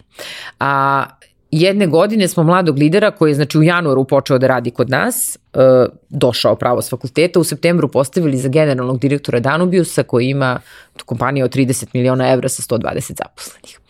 A mladi lideri kod nas su sada na direktorskim i menadžerskim pozicijama uveliko. Jedan mladi lider je član izvršnog odbora Delte, Andrej Sovrović, moj kolega koji je direktor svih naših hotela. Dakle, kod nas su mladi lideri, odavno nisu više mladi, a jesu lideri, vode ozbiljne biznise u Delti. Ono što mi shvatili je da ako se tim mladim ljudima da prilika da pre svega mnogo greše, da će oni vrlo brzo porasti i biti moći da rade sve poslove barabar sa ljudima koji imaju 40-50 godina. I to se pokazalo kao tačno u najvećem broju slučajeva. Naravno da i mi nekad omanemo i neko, za nekoga smo možda prerano stavili velike izazove, ali to je vrlo, vrlo redko. Znači oni uglavnom zaista imaju i snagu i želju da, da brzo napreduju i da stignu na, na vodeće pozicije. I sad kad pogledam po Delti, sad ne znam, evo, sledeće nedelje putujemo na na taj neki outing koji imamo gde usvajamo sva te strateške planove, imamo neki team building, nas tu ima 55, tu mladih lidera pa najmanje 15 ima. I to je super. Znači top management Delte su sada ljudi koji su pre 10, 9, 8, 7 godina primljeni kao mladi lideri. Uh, kaži mi samo još, još jednu stvar. Dakle, taj, taj ceo proces selekcije negde si opisala. Opisala si i, i njihov razvojni put u okviru kompanije. Uh, jedna stvar koja mi se nekako čini da, da, da kažem, nedostaje je e, taj pogled e, koliko su oni upućeni jedni na druge, jer oni su deo jedne generacije. Uvek ljudi koji su deo jedne generacije u nekom sistemu, ukoliko su bliski po vrednostima, po svemu ostalom, ostanu prijatelji ceo život i taj network je često najvredniji network koji imamo. Ja ovo posmatram na neki način, iako nije baš uporedivo, kao generaciju sa neke internacionalne škole ili nešto slično. Kada pričaš sa tim ljudima koji su imali priliku tako nešto da završe ili su studirali u Americi ili nešto tako, njihovi najvredniji kontakti i najvredniji u poslovnom smislu, ali i u nekom ličnom smislu su ti ljudi sa kojima su oni prošli ceo put jer samo oni znaju kako im je kako bilo im je u tom bilo. trenutku. Jer to jeste izladak iz zone komfora za skoro sve. Jeste, uh, jasno. Pa vidi, oni su u toj prvoj godini jesu upućeni jedni na druge jer idu na te obuke sve vreme zajedno i rade te velike projekte i da bi radili projekte oni moraju van radnog vremena da provode vreme zajedno i da na tim projektima rade. I oni jesu veoma upućeni i bliski. A mi, a, osim programa Mladi lideri, imamo još dva programa za talente u Delti. Jedan se zove Delti na budućnost, gde su menadžeri koji su od 30. negde 27. 8. do 35. godine koje mi vidimo kao buduće top menadžere u Delti i imamo taj program Deltini eksperti koji je nije generacijski ograničen i tu imamo ljude koji su zaista eksperti u onome što rade. Uglavnom, veliki broj mladih lidera zapravo i pređe u Deltinu budućnost, to su dvogodišnji programi gde ponovo imaju projekte, treninge i tako dalje, ali ono što smo, mi nemamo formalni način da u Delti sada mladi lideri sedme generacije imaju formalno nešto ali mi vidimo da se oni druži, da su nerazdvojni i da rade, za, da se viđaju, maturu. da se dru imaju, da. Tako da svaka generacija znaju oni tačno koja su generacija bili, s kim su bili i tako. Znači tu prvu godinu oni su zaista upućeni jedni na druge sve vreme, a posle toga oni to nekako taj alumni drže a, ovaj, sami. Pri tom mi često radimo i neke e, događaje za mlade lidere svih generacija, tako da to bude isto zabavno da se oni svi zajedno druže, vide i tako. Inače svake godine kad dodeljujemo diplome mladim liderima koji su završili program, a, mi na tu dodelu zovemo roditelje. I svake godine imamo njihove roditelje koji prisustuju toj svečanosti kada njihova deca dobiju diplomu da su bili u Delti godinu dana, da su naučili mnogo toga i da su sad spremni za nove izazove. Uh, taj izlazak u e-commerce na jedan veoma ozbiljan način, sa jednim veoma ozbiljnim ulaganjem, najavljenim i tako dalje, sa celom jednom novom divizijom u okviru firme, a ne samo nečim što je nekakav uh, plugin na na postojeći sistem. Uh, pomenula se otprilike timeline kako se to dešavalo uh, kroz neke najvažnije tačke u tom procesu, ali bih voleo da mi malo kažeš više o tome prosto kako ste se vi od starta posvetili tom procesu, jer uh, sve vreme kroz razgovor insistiraš na tome koliko je znanje važno, a tog znanja nema. Dakle, vi pokušavate ponovo da napravite nešto što ne postoji i niko nije napravio ništa slično i što ja volim da kažem komplikujete sebi život, ali da. dobro, nekad pa mora. Pa samo jel? tako možeš zaradiš velike pare. Kako je taj proces izgledao? Jer prosto mnogo toga morate da uvezete, a ono što ne možete da uvezete morate da napravite od nula. A, pa mi smo znali, ovaj, mnogo je lepo to saznanje da ne znaš ništa. Znali smo da ne znamo ništa. A, taj prvi blueprint koji smo napravili, šta ananas treba da bude, kako on treba da izgleda, čemu treba da se posveti, koje probleme treba da reši, a kako treba da ulepša život svojim klijentima i na koji način, to je za nas uradio Boston Consulting Group. Znači BCG je napravio međunarodni tim od svojih najboljih eksperata iz pojedinih oblasti e-komerca i oni su sa nama radili pa dobrih devet meseci na tome a, neposredno pre no što su napravili tim za Ananas, BCG je sa veoma sličnim timom radio sa Allegrom u Poljskoj, nakon čega je Allegro izašao na svoj čuveni IPO od 20 milijardi. A, taj tim su činili ljudi koji su imali više decenijsko iskustvo u Amazonu, u Alibabi, a, Mercado Libre koji je najveći južnoamerički ovaj, marketplace a, i Tesco online u Americi i u Evropi. To je bio tim i možete zamislite koje je to znanje bilo. Znači ja sam u, u tih prvih par meseci prisustovala svakom konferens kolu, ne zato što je trebalo, nego samo da slušam to i da se, ču, da se čudim šta sve postoji, kako znanje ljudi posjeduju i šta oni to sve znaju. Uh, van BCG-a smo takođe imali konsultante na razne teme i imamo ih i sada. Uh, mi smo razumeli da ćemo uspešan marketplace napraviti ako imamo najbolje svetsko znanje i najviše novca normalno, zato što je to poduhvat koji mnogo košta i naš cilj je da se vrlo brzo proširimo na sve druge zemlje bivše Jugoslavije i onda u skladu sa tim mi smo morali da nađemo najbolje moguće znanje i da spremimo novac. Uh, Ananas je jedina kompanija u Delti u kojoj se priča na engleskom, zato što mi imamo zaposlene uh, naš a, direktor fulfillmenta je Brazilac koga smo doveli iz tog BCG tima iz Njujorka, on je živo u Njujorku, on je vodio, on je napravio fulfillment i vodio fulfillment Mercado Libre u Brazilu i u Južnoj Americi, onda je u Allegru postavio fulfillment, tako smo znali da tu nema greške ako može da radi u Južnoj Americi i u Evropi, onda može. Jeste i ovaj, Filipe je pre par nedelja postao srpski zet, tako da smo ga, ovaj, sigurni smo sad da je tu. Asimilovali. Asimilovali smo ga, a komercijalni direktor je došao iz Češke, a CEO koji jeste naš, Marka smo takođe doveli iz Češka, on je pre toga bio pet godina u Indiji i bavio se tim stvarima, dakle isto interna, internacionalni, doveli smo devojku koja je vodila fulfillment Amazona u Italiji i tako dalje i tako dalje. Dakle, to, to je jedina firma u kojoj je službeni jezik engleski, jer ne govore svi srpski jezik, mada ćemo se potruditi da ih naučimo.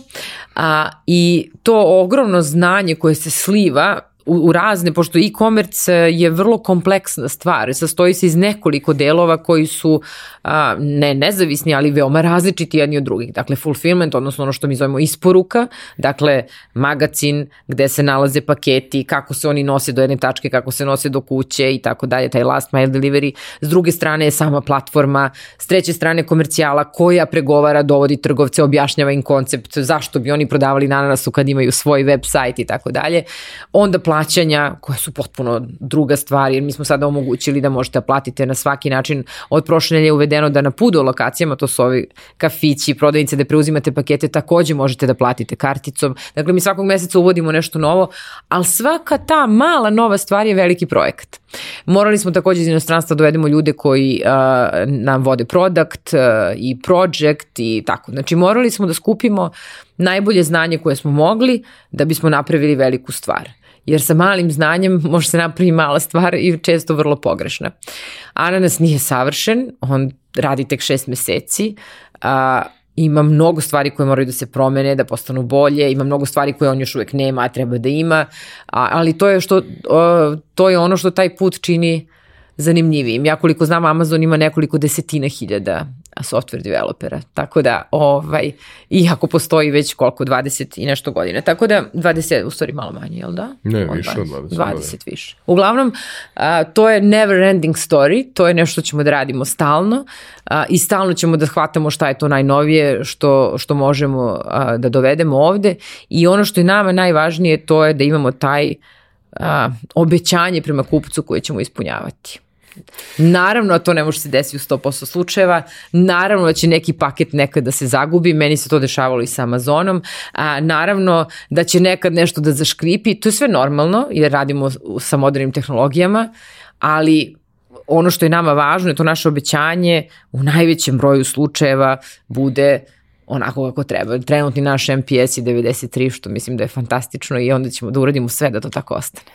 Mislim da taj moment ovaj, da prosto na toj skali greške se dešavaju, jer postoji i ljudski faktor i gomila drugih stvari, ali taj moment koji Amazon čini posebnim je to što kada dođe do problema, ti taj problem sa podrškom rešiš tako da izađeš presrećen sa tog razgovora, što u principu se nikad ne dešava u životu, gotovo. Pa opet se vraćamo na odnose sa ljudima. I to je ono što mašina neće nikad ni moći da zameni. A to je da i mi kad imamo nezadovoljnog kupca, I nema veze da li je možda kupac nešto pogrešno razumeo i sve to, ali naš je zadatak da se javimo, da budemo ljubazni, da pomognemo, da, da, da, da čak i iz nekog negativnog događaja mi dobijemo kupca koji na kraju rekao ovi ljudi su okej. Okay. Ja sam imala jednom neki problem sa ananasom i ne mogu sad da setim, to je bilo na samom početku i pozvala sam i pričala sam pet minuta sa nekom ženom u call centru, sam ja na kraju zvala direktora ananasa i rekla ko je ova žena? Na kraju ja sam, ispalo je da sam ja srećna što se taj problem desio i mislim tako, ali ako ljudi umeju sa ljudima, onda svaki problem može da se prevaziđe. A da radimo bez greške ne možemo, pošto bez greške rade samo oni koji ne rade. I ovaj, to je tako. E, jednu stvar hoću još da te pitam, naravno ne moraš da podariš sve, ali e, kada ste pravili analizu i procenu šta je to što želite da napravite i šta su neki problemi, šta ste uvideli kao najvažnije neke bolne tačke koje je najkompleksnije rešiti, pa ih zato gotovo niko nije rešio ovde. Isporuka. To je bio broj jedan. Jer to smo svi imali iz ličnog iskustva. I da. imali da. smo naručbine, sad neću reći ja, jedne velike svetske kompanije gde mi je Ćebence putovalo 40 dana do kuće. Pa kad su me pitali ja sam zadovoljna, ja im napisala, pa da ste ga izneli ispred tu firme, neki bi ga vetar doduo do mene za 40 dana. Imali smo slučaj da moj kolega koji je naručio deci za novu godinu video igricu u oktobru da je bio siguran da će doći na vreme, pa došlo u martu i tako. Svi smo seli i pričali o svojim frustracijama koje imamo u online trgovini.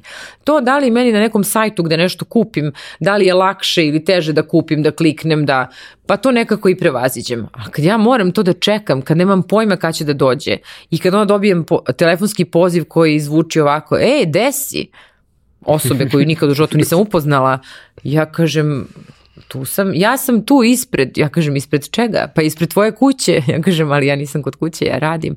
A pa dobro, onda ništa i ode. Ove, ovaj, ili sam ja, ili je kod mene kući neko i znam da je tu, a samo dobijem porukicu a, da isporuka nije uspela, a ja znam da ona nije ni pokušana i tako dalje i tako dalje. To je bila najveća frustracija, to sad svi, svi pričali svoje, znači mi nismo pričali to kao stručnjaci, nego kao ljudi koji žive u zemlji koji imaju neviđenu frustraciju što ne mogu da dobiju nešto što su kupili kupili i nama je glavni cilj bio da ljudi mogu da dobiju ono što su kupili. U 99% slučajeva ako na ananasu naručiš robu koja ima ono oznaku direct, što znači da se nalazi kod nas na, u magazinu, do, do ponoći tu, to ćeš dobiti sutra.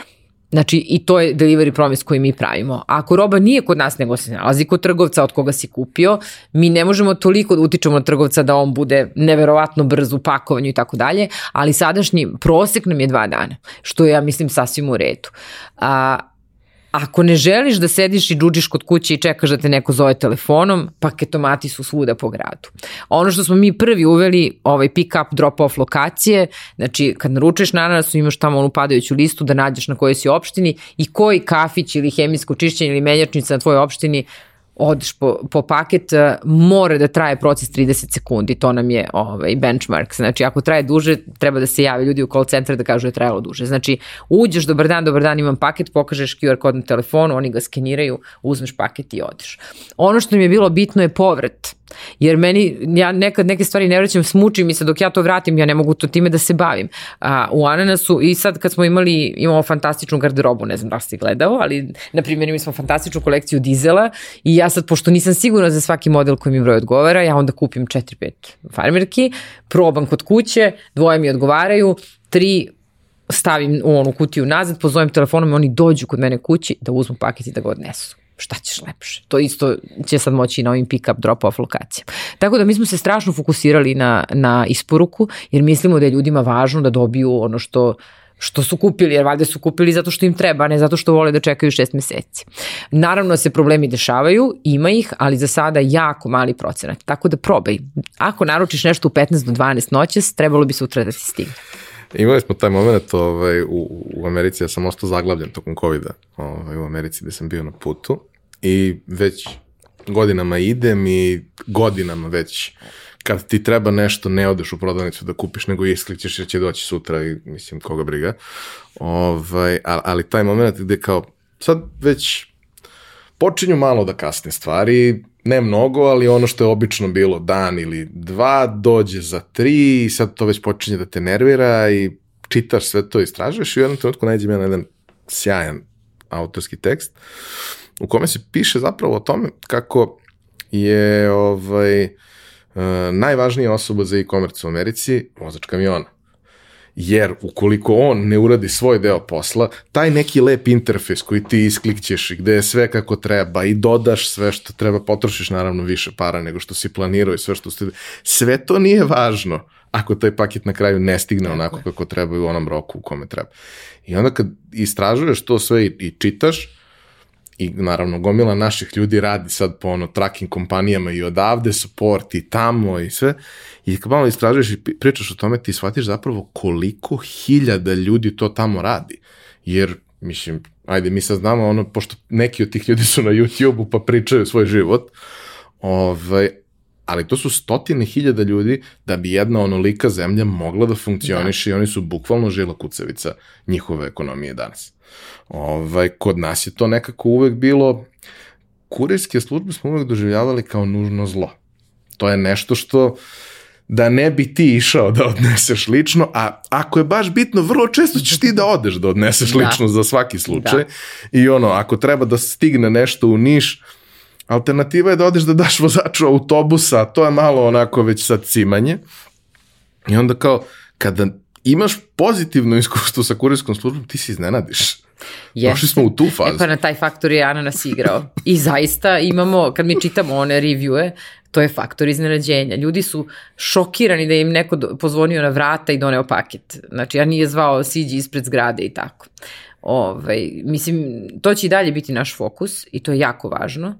Uh, I imajući a mi smo uspeli da znamo koji su sve to trendovi u svetu, kako se to sve organizuje, možda zamisliš koji softver stoji iza toga. Nije to baš, mi damo kuriru paketić i kažemo idi na ovu adresu i sve, znači ozbiljan softver jer mi dobi, ti dobiješ poruku kad je, kurir te pozove kad je blizu, dobiješ poruku a, kad je on tu, dobiješ poruku da je paket isporučen i tako dalje. To je ozbiljan softver koji naravno sve to prati i nije lako i on nekad ima svoje bagove, ali definitivno idemo na to da ljude u Srbiji izneradimo da nešto može da bude profesionalno i da ti ljudi mogu da budu uljudni, profesionalni i da ti se ne obraćaju kod da ste od vrtića drugari ovaj, i, i da može sve da stigne na vreme.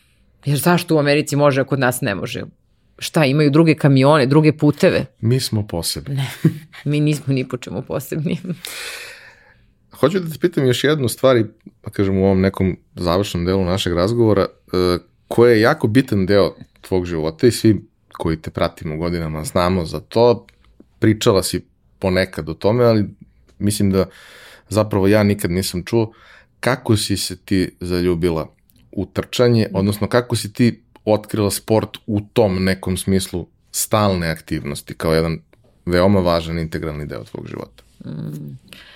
Ove, ja se nikad nisam bavila sportom, to je prvo, jer stalno kad pričam s mladim ljudima pa me jako gledaju, ja onda im uvijek kažem čekajte, čekajte, ja kad sam bila u vašim godinama, ja sam izlazila celu noć i onda ujutru idem pravo iz izlaska na ispit, znači tako sam živela. Nis, osim skijanja nisam se nikad bavila sportom. I, mislim, a i skijanje nisam se bavila, nego sam skijala zimi na planini. I ovaj, onda sam, kad sam rodila starijeg sina, pošto je on bio izuzetno krupna i teška beba, počela da imam probleme sa leđima, sam počela da vežbam u teretani da ne bih imala probleme sa leđima. I tu sam srela trenera, znači moj stari sin sad ima 17 godina, s kojim već 17 godina treniram u teretani i, ovaj, i tako smo trenirali, ja sam išla tri put nedeljno, održavala tu formu i tako. I onda kad sam rodila mlađeg sina, sam, uh, odnosno neposredno prije što sam ga rodila, sam, a, dok sam bila još tu na stanju sa njim, videla u teretani, malo sam vežbala i videla kako svi imaju iste majice i piše to ime, to teretane, ekipa. Ja kažem šta je ovo, što je ovo, ja volim to tako timski, to mi strava. Šta je ovo? Kaže idemo svi da ovaj, trčimo Beogradski maraton. I oni su kao tim, ja se tu oduševim i kažem jao, što bi ja ovo volela. Mogu ja sledeće godine, pošto sam ja u tom trenutku već imala stomak, I meni taj moj trener, moj dobar prijatelj danas kaže, te ćeš ti da si normalno, imaš 38, 37 godina sam tad imala, nisi nikad u životu trčala, kako? Ja kažem dobro. I kad sam... Svašta ja nikad u životu nisam sam, a, Filip je rođen u septembru, krajem septembra, ja sam počela u novembru da trčim i u aprilu sam istračala svoj prvi beogradski polumaraton i danas imam 20 minuta bolje vreme od tog mog trenera što mi je rekao da ne mogu da trčim na polumaratonu, a na maratonu vjerojatno imam sat i po. Ovaj, uglavnom, uh, shvatila sam, prvo shvatila sam da, ne mogu to da nazovem talentom, ali realno moje telo je napravljeno tako da može fino da trči i, uh, i da, može, da mogu da napravim rezultate ako treniram. Ipak je važno i da, da se rodiš nekako, da imaš konstituciju to. Ali druga stvar koja je mnogo važnija, ja sam shvatila posle nekoliko meseci da je to nešto najlepše što ja radim. Naravno, svi oni, nauka je dokazala a, hormoni koji se luče nakon trčanja, koji se inače zovu endokanabinoidi, šta mislite zašto, ovaj, koji zapravo prave taj osjećaj opuštenosti, nedostatka bola, potpuno ono veselja, radosti i tako dalje. Tako da ovaj, ti hormoni deluju i to se zove runner's high i onda kad čovjek prestane trči, bukvalno osjeća krizu. Ja kad ne mogu da trčim i zbog neke povrede, ja svaku noć sanjam kako uzimam patike, obuvam se, trčim i tako. Tako da to je jedna ozbiljna zavisnost koja je zapravo dobra, a takođe je dobra i u mom radnom okruženju jer ja tako puno tih endokanabinoida dolazim na posao svaki dan, tako sam nasmejana, vesela i to je jako lepo. Ove, onda sam, a, pošto sam mnogo trčala, u nekom trenutku sam počela da se povređujem jer telo koje se nije bavilo sportom,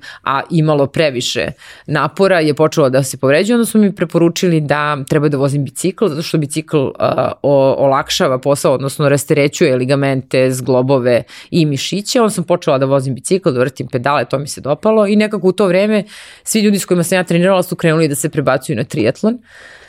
I onda su kao, ajde i ti, što mi svi treniramo za triatlon, ti ne treniraš, a ja nisam trenirala za triatlon, nisam znala da plivam, tako da, ovaj, mislim, znala sam na moru, ono, naš prsno, glava iznad vode i to, ali nisam umela da plivam, nisam nikad u životu napravila zamah u kraulu. Međutim, eto, novog izazova, da se nauči da se pliva, da ne pričam kako su izgledali moji prvi časovi plivanja, davljenja i tako dalje, ali ovaj, posle godinu dana priprema ja sam na Ironmanu isplivala 4 km za vrlo pristojno vreme, tako da danas kad mi vidiš kako plivam, rekao bi da plivam ceo život, a u stvari ovaj, ne plivam ceo život. I a, taj Ironman je posle bio više stvar nekog a, e, pokazivanja a, sebi, a u stvari najviše moje deci, pa onda i svima drugima koji su mi važni, da je nekako ta motivacija ljudi da je zapravo sve moguće. Inače, Ironman moto je anything is possible i ja mislim da je to i moj životni moto da ti zapravo možeš sve što hoćeš, samo treba da želiš to nešto I ovaj, to je bio moj dokaz sebi i kažem moje deci da čovek ako nešto dovoljno jako želi i ako se tome posveti, na neko vreme ne postoji stvar koju ne možeš da, da uradiš. I to je baš onako, ovaj, to je vratno jedna od najlepš, najlepših trenutaka u mom životu, taj prolazak kroz taj cilj u Kopenhagenu, gde sam shvatila da, ovaj, da čovjek sve može. Jedna od stvari koju svi koji trče malo ozbiljnije i posvećenije o, o čemu pričaju je da zapravo to zahteva neko vreme. I to vreme nije malo ne možeš ti da istrčiš to što treba tako što odvojiš pola sata ili 15 minuta. To je potrebno je posvetiti neko vreme i to vreme može da se posmatra kao izgubljeno vreme ako ga tako napraviš sebi, a može da se posmatra kao neko vreme u kome ćeš ti jer radiš aktivnost da ne moraš da budeš 100% fokusiran na sve, ovaj, imati vremena da i razmišljaš i poslužiš neke stvari o sebi, možda slušaš nešto interesantno i sve što uz to ide, zašto tebi služi to? A prvo da zbog onih koji možda razmišljaju da počnu da trče, da budemo jasni da ovo što je neko ozbiljno vreme. Znači, radnim danom trkački trenizi su u proseku a, traju od 40 do 45 minuta. I nema šanse, neko kaže ne može da ustane 45 minuta ranije da, da to uradi. Vikendom su duži i naravno pred velike trke su, postoje trenizi koji su u radnoj nedelji, ali nikad ne prelaze sat vremena. Vikendom je onda to duže, sat, sat i po dva.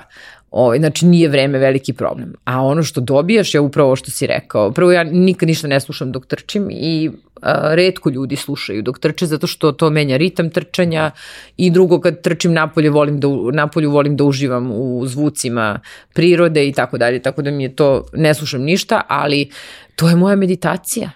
Ja za to vreme kroz glavu Pro, ili, ili nemam ništa, pa, pa je to stvarno meditacija, ili je to vreme u kome ja imam vremena da mislim i da ovaj, mi stalno u firmi se šalimo da ko mnogo radi nema kada misli, ali to je tačno, jer ti kad uđeš u kancelariju i kad te proguta onaj dnevni posao, ti nemaš kada da sedneš i da razmišljaš. E, ovo kad trčim ili vozim bicikl ili plivam, to je vreme u kome razmišljam. I svašta čoveku padne na pamet u to vreme, tako da ovaj, to vrlo korisno provedeno vreme na svaki način.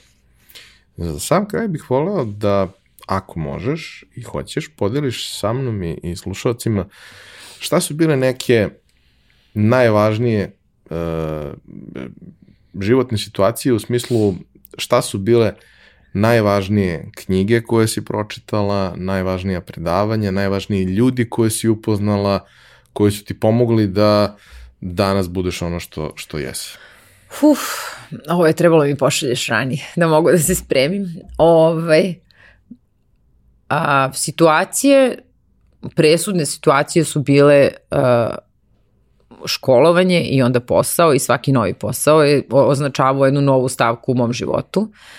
A najpresudnije situacije su bile porodica, odnosno rođenje moje dece, jer a, deca menjaju potpuno percepciju života, način na koji čovek gleda na stvari, e, na koji postavlja prioritete i tako dalje, tako da je to sigurno najvažnija stvar u mom životu. A, I malo pre sam navela ti neki veliki sportski uspesi koji su za mene bili, ne znam, to penjanje na taj vrh od 6100, Ironman i tako dalje. To su neke stvari koje su onako važni životni događaji koji te određuju u smislu toga ko si, šta si i šta ti je važno. A, što se tiče ljudi, ja sam osoba koja smatra da su ljudi i uh, važne emocionalne veze sa ljudima u životu gde mislim na porodicu, prijatelji i tako dalje, ono što čini život. A Harvard je u onom najdužem istraživanju koju istari ovaljeno to i dokazao da nam kvalitet i dužina života zapravo zavisi samo od broja tih a, značajnih, meaningful emocionalnih veza koje u životu imamo. Tako da za mene u životu a, osim moje porodice, naravno, koja je tu od uvek, uh, mnogo su važni uh, moji prijatelji i svako od njih ima posebno mesto i svako od njih je važan iz nekog velikog razloga posebno moje drugarice i taj naš gang koji ono stavljamo sad na društvene mreže pa mi se nekad desi da upoznaje moju drugaricu s nekim oni svi kažu pa znamo, znamo te sa Instagrama ovaj, uh, kvalitetni ljudi u životu s kojima ostvariš va, te duboke uh, i, i značajne emocionalne veze su ono što, što te čini u stvari osobom kakva jesi. To je za mene užasno važno i to su uh, i ljudi koje sam upoznavala kroz posao i ljudi koje su poznali u privatnom životu, oni koji su se zadržali, ostali mnogo godina, a, to je ono što čini moj život a, e, značajnim. Što se tiče knjiga, oh, ja jako mnogo čitam, to je moja najveća ljubav a, uz futbol. Ove, ovaj, ne gledam televiziju, ne, ne čitam novine nikada i svo to vreme, osim kad ne gledamo sad ovaj futbol po, po celo veče, ove, ovaj, čitam knjige.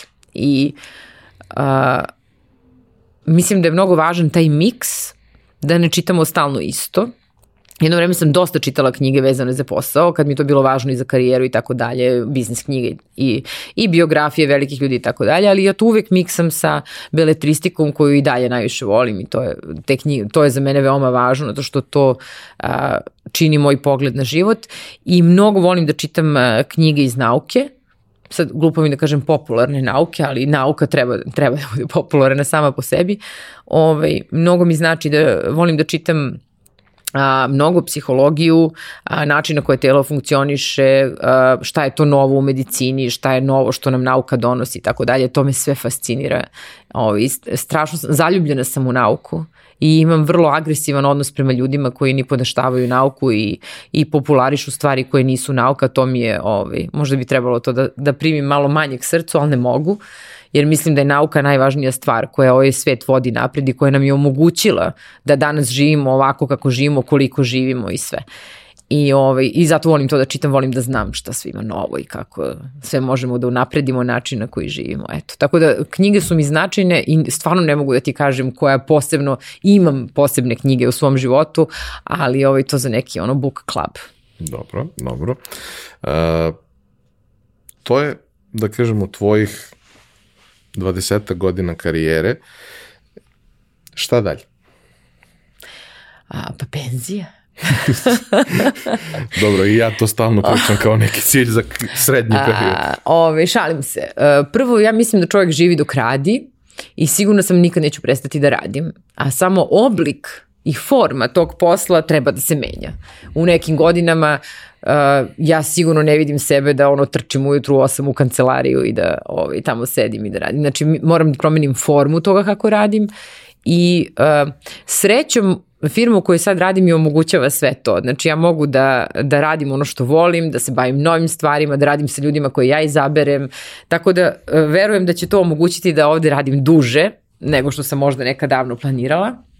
Ali u svakom slučaju a, da putujem po svetu i da radim iz bilo koje tačke, to je ideja, da ako moja deca odu odavde i krenu da studiraju u inostranstvu, da mogu da budem kod njih koliko god želim, da mogu da putujem na sva mesta koje još uvijek nisam videla, ali da imam svoj računar pored sebe i pretpostavljam uskoro i neke one naočare.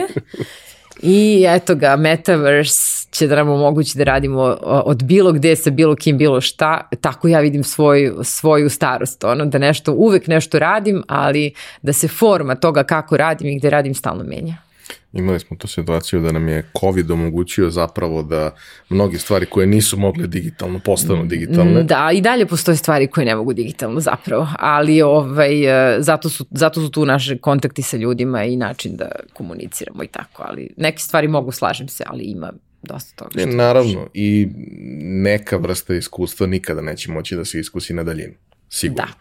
Ali neke stvari, mnogo veći broj stvari sada možemo, Tako zato što nismo imali izbora. Tako je. Ovaj, I mislim da koliko god bila, bila tragična cela ta priča sa, sa koronom i za ljude, pojedince i za ekonomiju i za sve ostalo, zapravo nam je možda kao vrsti i planeti donela nešto dobro pokazala nam je da možemo da se prilagodimo onda kad smo mislili da više ničemu ne možemo da se prilagodimo i da smo jako konforni u onome kako smo navikli. Pa dobro, to se tako desilo i kad je se pojavila parna mešina i kad se pojavila struja. Jednostavno u istoriji mi stalno gledamo ovaj, te naše, iz naše perspektive jednog kratkog ljudskog života, pa sad šta se sve dešava. Ali ako se izmaknemo i pogledamo iz perspektive istorije, nauka i tehnologija nikada nisu odvele čovečanstvo nazad. Znači vode ga samo napred. Uz malo bumpy road i malo kamenčića, ali samo napred i samo napred. Tako da a, mi samo su postale, tehnološke promjene su toliko postale brze da, da a mi se kao stvorenja jednostavno zbog strukture naših gena i toga kako funkcionišemo ne možemo tako brzo da se promenimo i tu sad mora da samo nastane neko usklađivanje između tih ogromnih promjena i toga kako se mi menjamo. Znači to što si rekao, neke stvari ne možemo da zamenimo, ali tehnologija vodi svet napred, uvek će tako biti i ako smo pametni mi ćemo izabrati najbolje načine za to napred kroz tehnologiju, a verujem da, da ćemo kao čovečanstvo biti dovoljno pametni da, da uspemo to da uradimo. Marija, hvala ti. Hvala tebi. Bilo mi je veliko zadovoljstvo Nadam se da je vama bilo interesantno kao meni. Ako imate neko pitanje, neki predlog, sugestiju, iskoristite za to ovaj, e, polje za komentare na YouTube-u ili nam pišite na mail. To bi bilo to za ovu nedelju. Hvala vam što ste nas pratili. Vidimo se ponovo naredne nedelje.